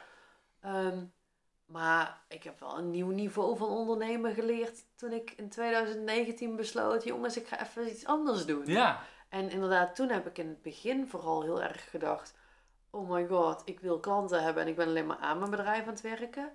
En nu denk ik ooit, oh my god, hoe krijg ik in die vijf dagen per week, en dan werk ik al 50 uur, alles gepropt wat ik wil doen. Want ik ben wel het aan mijn bedrijf werken ook wel steeds leuker gaan vinden. Ik merkte bij mezelf dat het aan je bedrijf werken makkelijker wordt wanneer je voldoende in je bedrijf werkt. Ja, wanneer er voldoende geld binnenkomt, klanten zijn. Dat, maar ook feedback van klanten. Want het is makkelijker om een strategie uit te zetten als je weet wat je zelf heel erg tof vindt wat je doet en waar jouw klanten behoefte aan hebben. Ja. Waarbij ik wel geloof dat in het begin uh, moet je gewoon gaan doen waar jij heel blij van wordt. Ja. Want alleen door te doen kun je die feedback gaan krijgen. Ja. En ik denk dat doen daarin ook wel het magische woord is. Want ik spreek zoveel potentiële ondernemers die al zes maanden aan het nadenken zijn over een bedrijfsnaam en daarom nog niet ingeschreven zijn bij de Kamer van Koophandel. Ja. Dan denk ik, ja, sorry, maar met die instelling ga maar gewoon een baan zoeken. Want het gaat hem niet worden. Weet je? Ondernemen is vooral actie. Ja. Is echt doen. Ja. En het is één keer vaker opstaan dan neergaan. Want je gaat je kop stoten, je gaat fouten maken, het gaat kut gaan, het gaat tegenvallen. Er gaan dingen gebeuren waar je helemaal niet op gerekend had. Er gaan dingen gebeuren die je niet wilt. Uh, Er gaan ook super toffe en, en vette en, en magische dingen gebeuren. Maar ook heel veel shit. Ja, kijk, en dat vind ik zo mooi. Op het moment dat ik dus met ondernemers in gesprek ben, weet je wel, en in het begin gaat het inderdaad eventjes over het zichtbaar zijn. En op het moment dat het echt op ondernemen aankomt, dan verandert er iets bij de ondernemer. Want dan komt er toch een soort van actiegerichtheid en, en embrace the suck, zoals ze dat in Amerika wel zeggen. Je moet het maar gewoon accepteren. Als dit is wat je wil, als, als er iets is wat je wilt neerzetten, dan moet je bereid zijn om daarvoor ja, door het struikgewas te kruipen. Ja, het is gewoon, you have to pay the price. Ik wil niet zeggen dat je daarvoor moet lijden, want dat hoeft echt niet. Maar je moet wel bereid zijn om van het gebaande pad af te gaan en af en toe je knie te stoten. Ehm, ja, en weer op te staan. Ja. Dus volharding is wel iets wat, wat nodig is. Ja, en inderdaad, gewoon blijf altijd onthouden. Ik hoef alleen maar weer één Het is net als leren lopen. Ja. Je moet één keer vaker opstaan dan dat je neergaat. En er is geen enkel kind dat maar stopt. En zegt, nou, dit is niks voor mij. ja, weet je, die, die zetten twee, twee, keer proberen ze op te staan. Die gaan twee keer neer en denken, nou, weet je, ik blijf hier wel zitten. Als ik 90 ben, moet ik toch weer een luier aan. Dan kunnen we dat hele stuk er dus wel overslaan. Ja, hey, die blijft. dat is niet. Dat is met ondernemerschap denk ik ook. De Met het leven. Met het leven is het zo. Maar veel mensen, uh, en ik wil niemand hiermee beledigen, maar heel veel mensen leven niet. Nee. Heel veel mensen hebben een soort van voortkabbelend bestaan. Ja. Gebouwd op zekerheid. Ja, we doen maar wat we altijd doen, iedere dag. En dat komt ook voort uit een maatschappij uh, waarin we zijn opgegroeid. Zekerheid een van de belangrijkste waarden is geworden die, die te vervullen is. Maar we zijn niet gemaakt om zekerheid te ervaren. Ja, tot is zeker ja, op, tot ons brein wil dat graag, want het is veilig, maar daar zit je joie de vivre zit er zeg maar niet. Je, je, je, je, blij ei, dat zit echt in, in je stretch. Dat, ja. En de een heeft dat meer dan de ander. Tuurlijk, dat verschilt per persoon. Dat maakt de wereld ook zo leuk en kleurrijk. Maar inderdaad, heel veel mensen leven niet. En weet je, het is, ik heb ook geen oordeel over dat heel veel mensen niet leven. Het is hoe ik het niet wil. Ja. Uh, weet je, maar vind jij het prima om 40, 50 jaar lang iedere dag van 9 tot 5 met je broodrommeltje onder je snelbinders naar dezelfde baas te gaan en als je daar blij van wordt, ik vind het oké. Ja. Maar blijf dan alsjeblieft in loondienst en ga nooit ondernemen, want dan red je het niet. En ik denk de grootste. En dan wordt het een leidansweg. Ja, en ik denk dat de grootste verrassing die ondernemerschap mij heeft gebracht, mhm. is dat ik me nooit vooraf had beseft, bedacht of had durven dromen hoe gigantisch je als persoon kunt groeien en ontwikkelen door te gaan ondernemen. Echt, ik, ik, um, ik heb het al eerder gezegd, you don't know what you don't know. Maar ook in deze, Mhm. ik had nooit bedacht dat er zoveel uit, uit een leven te halen is. Dan heb ik het pas over een paar jaar ervan. Als je gaat ondernemen. Het is één grote personal development rollercoaster. Ja, Tony Robbins zegt dan ook: eh, business is the highest spiritual game. Ja, maar dat geloof ik ook Je echt. komt jezelf zo tegen. keer op keer op Ja. keer. Ja, weet je, every level a new devil. Het is nooit Ja. klaar. Maar ik vind dat, dat vind ik echt cool. Maar dat maakt ook echt wel dat sinds dat ik onderneem, ik veel meer het gevoel heb dat ik leef. Als Ja. ik kijk gewoon wat ik zelf doormaak. ehm, maar ook, je, als ik nu ga kijken hoeveel mensen ik in de afgelopen twee jaar heb leren kennen. Poeh. Dat is niet te doen. Nee. Dus hoeveel toffe mensen ik heb mogen ontmoeten en van hoeveel mensen ik dingen heb geleerd. Ja. En dat is echt mind-blowing. Ja, Dat- ja dat, maakt het, dat maakt het bijna al waard om het, om het te blijven doen. De verbindingen die je eruit haalt. Ik leef voor verbinding. Ik vind verbinding zo fijn met gelijkgestemde mensen. Ehm, zoals nu deze gesprekken, dit gesprek met jou. Ehm, gelijkgestemde mensen ontmoeten. Daar haal ik zoveel energie uit. Alleen daarom doe ik het al. Dat is het lekkerste wat er is. Ja, dat is ook, want ik zei dan wel van als ik geen ondernemer was, zou ik geen social media hebben. Maar ik haal er zoveel uit. En Ja. heb ik niet over mijn klanten. Het is echt gewoon dat de, de hoeveelheid gesprekken die ik heb, de mensen die ik heb leren kennen, de, Ja. de prachtige verhalen, de, de oprechte interesse. De, ja, het is gewoon, het is echt, het zijn allemaal veren in je reet. Ja. Eh, gewoon, maar ook als je het dan hebt over, over een stukje zelfvertrouwen. Mhm. Ehm, als ik dan ga kijken hoe leuk mensen het vinden om met mij in gesprek te gaan. Hoe tof ze het vinden dat als ze mij gaan volgen dat ze een berichtje krijgen. Of dat ik interesse in ze toon. Ja. Of weet je dat... eh, of, of zeker als ik dan ook dingen deel. En dan krijg ik soms op post geen reacties. Maar dan krijg ik in de DM weer berichtjes. Of op stories. Dat mensen zeggen, oh herkenbaar. Ik dacht al dat ik de enige was. En dan kan het gaan om iets wat helemaal niks met ondernemerschap Nee. te maken heeft. Maar weet je... ehm, als mens willen we allemaal gezien worden. Het belangrijkste wat er is, ja. Tegelijkertijd zijn we bang voor zichtbaarheid. Ja. Maar we willen ook allemaal gezien worden. En Ja. ik denk wel dat als jij, weet je, je wordt gezien als je zichtbaar wordt. Ja. En het is ergens moet je erin stappen. Ja. Maar het is zo fijn om gezien te worden. Het is zo fijn om. En dat gebeurde bij mij in het begin ook niet. Weet je, toen ik met Instagram begon, had ik 92 volgers. En het waren waarschijnlijk allemaal kennissen, familieleden, ja, vrienden van school. En, en, en buitenlanders die ik tijdens het reizen had ontmoet, die Ja. helemaal geen Nederlands spreken. Nee, die hebben niks met jouw boodschap van doen. Nee, en, en weet je, dat, dat als dat dan op een gegeven moment gaat groeien en die interactie komt, dat heeft gewoon een aanloop nodig. Maar Ja. het is zo fijn om ook echt gezien te worden Ja. door anderen. Ja. Maar daarvoor moet je eerst zichtbaar zijn, zodat ze je kunnen zien. Hmm, ja. Ja. Gezien worden door zichtbaar te zijn. Je kunt niet gezien worden als je thuis op de bank zit. Nee.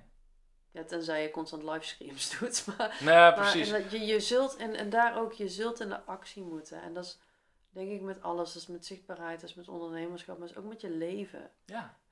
Doe, doe gewoon iets. Het Wees in beweging. ja, het maakt me niet uit wat je Nee. doet, maar ga, ja, zet gewoon iedere keer die ene voet voor de andere. Blijf gewoon in de actie, blijf dingen doen. En Ja. dan, dan wordt het zo gaaf. Ja. ja, en op het moment dat het even minder gaat, weet je wat je zelf ook zegt, eventjes. Ja. Omarm het, pak het volledig vast, Ja, eventjes, en laat het dan met twee handen los. ja. Ja, want je gaat niet in een snelkookpan weg zitten duwen, want ze moet er toch uit. Dus Nee, het is net als het, on- ja. het- het onder water houden van een Ja. bal, weet je wel. Dus, maar laat hem los, Ja, energetisch ook, weet je wel. Laat het gewoon gaan.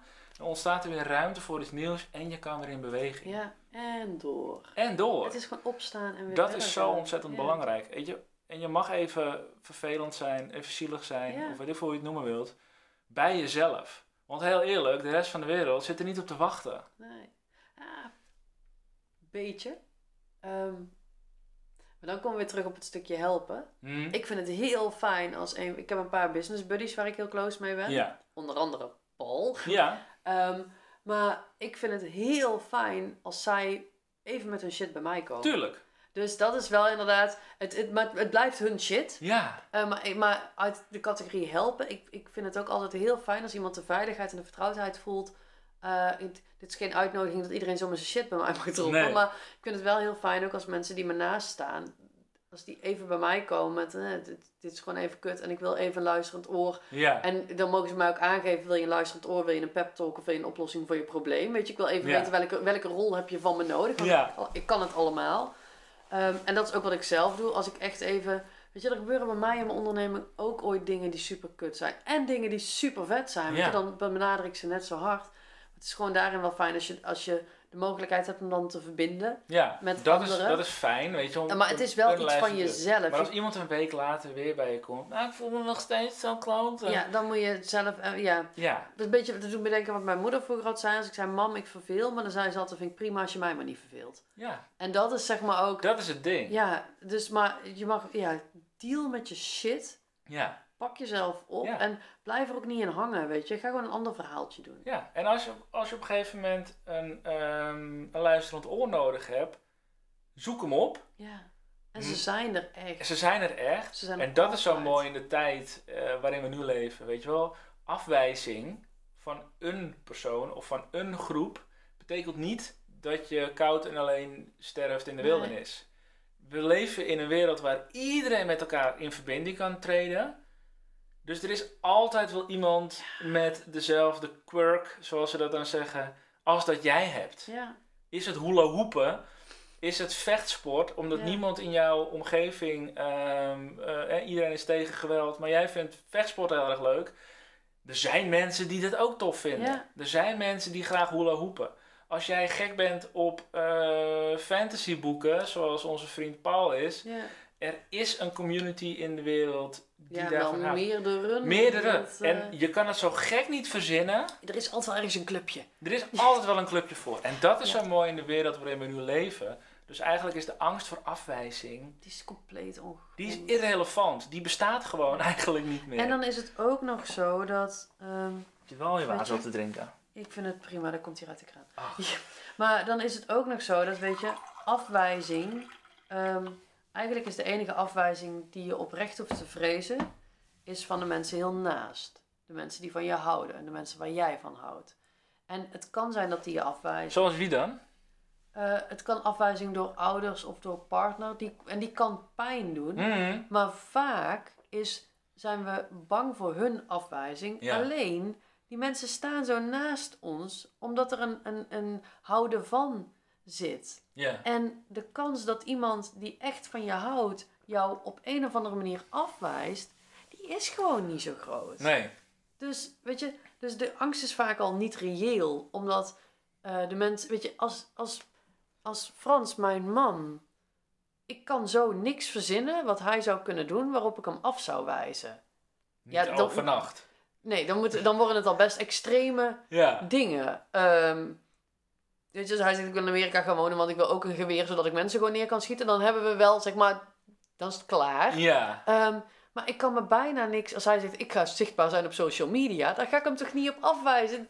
Lekker doen. Ja. Weet je, dat, um, dus ik, denk eens na bij de mensen die in jouw omgeving zijn, waar je close mee bent. Ja.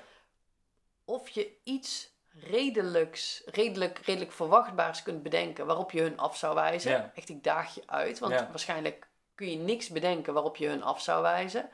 En draai hem dan eens om naar jezelf. Waarom zou zij het wel doen? Ja. Weet je, het is... En met betrekking tot je ouders, is het niet de bedoeling dat je op een of andere manier loskomt van je ouders? Ja, lijkt me wel. Lijkt, lijkt me heel gezond. Dus kijk... Um... En weet je... Oh, sorry, ik geen onderbouwen. Nee, um, vertel afwijzing is ook zoiets groots. Ze hoeven je niet te snappen om je te steunen. Nee. En ehm, dat geldt met je ouders, met alles om je heen. Mhm. En ik denk ook dat het. dat niet iedereen weet dat. Maar dat is ook dan aan jou om gewoon tegen die naaste te zeggen: van, joh, je hoeft me niet te snappen. Ik zou het wel fijn vinden als je me steunt. Ja. Weet je, zolang het die ander niet treft, niet kwetst, niet We maken ons zo'n zorgen. We vertellen zo'n verhalen. Ja, inderdaad. Dat zijn dus weer de verhalen die we onszelf vertellen. Terwijl op het moment dat we uit het verhaal stappen en beseffen dat het slechts een verhaal is. En misschien zelfs gewoon het gesprek aangaan. Dat de lucht helemaal geklaard is. Ja. En dat je van een moeder zal horen, ja, maar ik hou toch wel van je. Daarom. Of van een vader. Ja, weet je, en, en soms... Ja, je bent geen advocaat geworden, maar ik hou toch wel van je. Ja, en soms ook niet, en dat is dan ook maar wat het is. Ja. Weet je, ook, ook daarmee kun je leven. Ja, ook daarmee kun je leven. En ik denk dat het zelfs enerzijds, enigszins de bedoeling is om los te komen van, van je moeder en je vader. En dat je um, de waarde uh, die je nu hecht aan de relatie die je met ze hebt, dat die ook kan veranderen. Ja, niks is voor altijd. Ik heb in de afgelopen tijd best wel een andere relatie met mijn ouders gekregen dan die ik daarvoor had. Minder goed willen doen. Mm -hmm. Ik ben een volwassen vent. Ja. Weet je wel, voor wie moet ik het goed doen? Voor jezelf. Voor mezelf. Hoeft mijn moeder niks van te vinden. Nee. Ja, en als ze dat wel doet, is ook oké. Dat is ook oké, maar dat, kan, dat kan ik dan bij haar. Ja, inderdaad. En dat is best wel een, een, een stuk wat ik gewoon ook ja, echt systemisch um, haar op een andere plek heb gezet, waar ze hoort, waardoor ik meer ruimte ervaar. Ja, fijn. Dat is heel fijn, ja. ja. Maar ik denk dat dat, um, om, om dicht bij jezelf te komen, um, heb je dat denk ik ook wel een deel nodig. Dat je loskomt van die systemen. Dat je gaat herkennen als zijnde een, een systeem of ja, en, een deel van jezelf. Terwijl je dat zegt, denk ik dat. Um, voor mij is het misschien zelfs wel minder loskomen van een ander, als meer in dat het meer gaat om in connectie met jezelf. Hmm, ja. Voor mij zeg maar het loskomen van een ander is een soort van collateral damage, ja. bij het meer bij mezelf komen. Ja.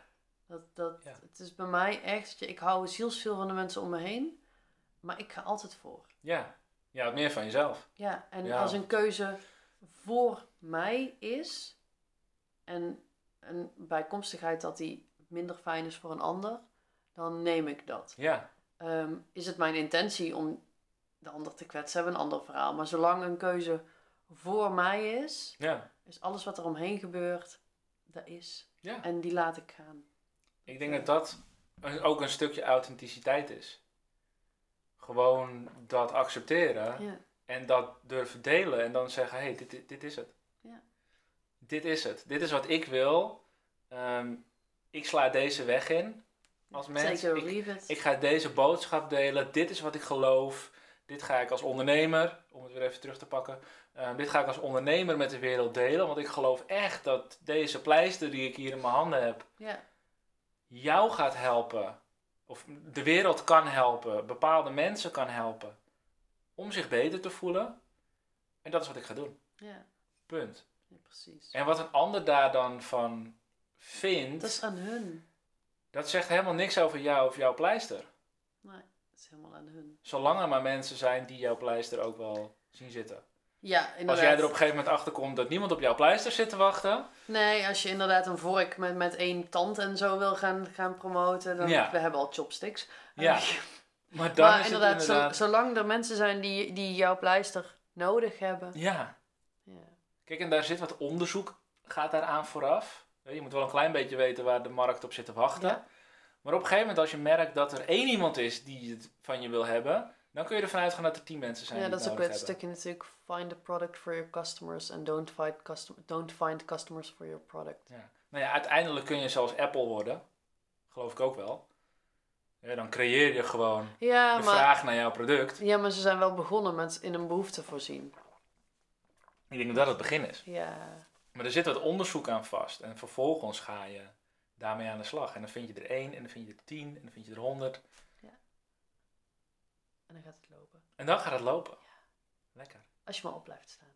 Als je maar op blijft staan. Als je valt, sta op. Ja. Ik denk dat dat een hele mooie les is om de podcast mee af te sluiten. Dat denk ik ook. Hey Sylvia, um, waar kunnen mensen jou vinden?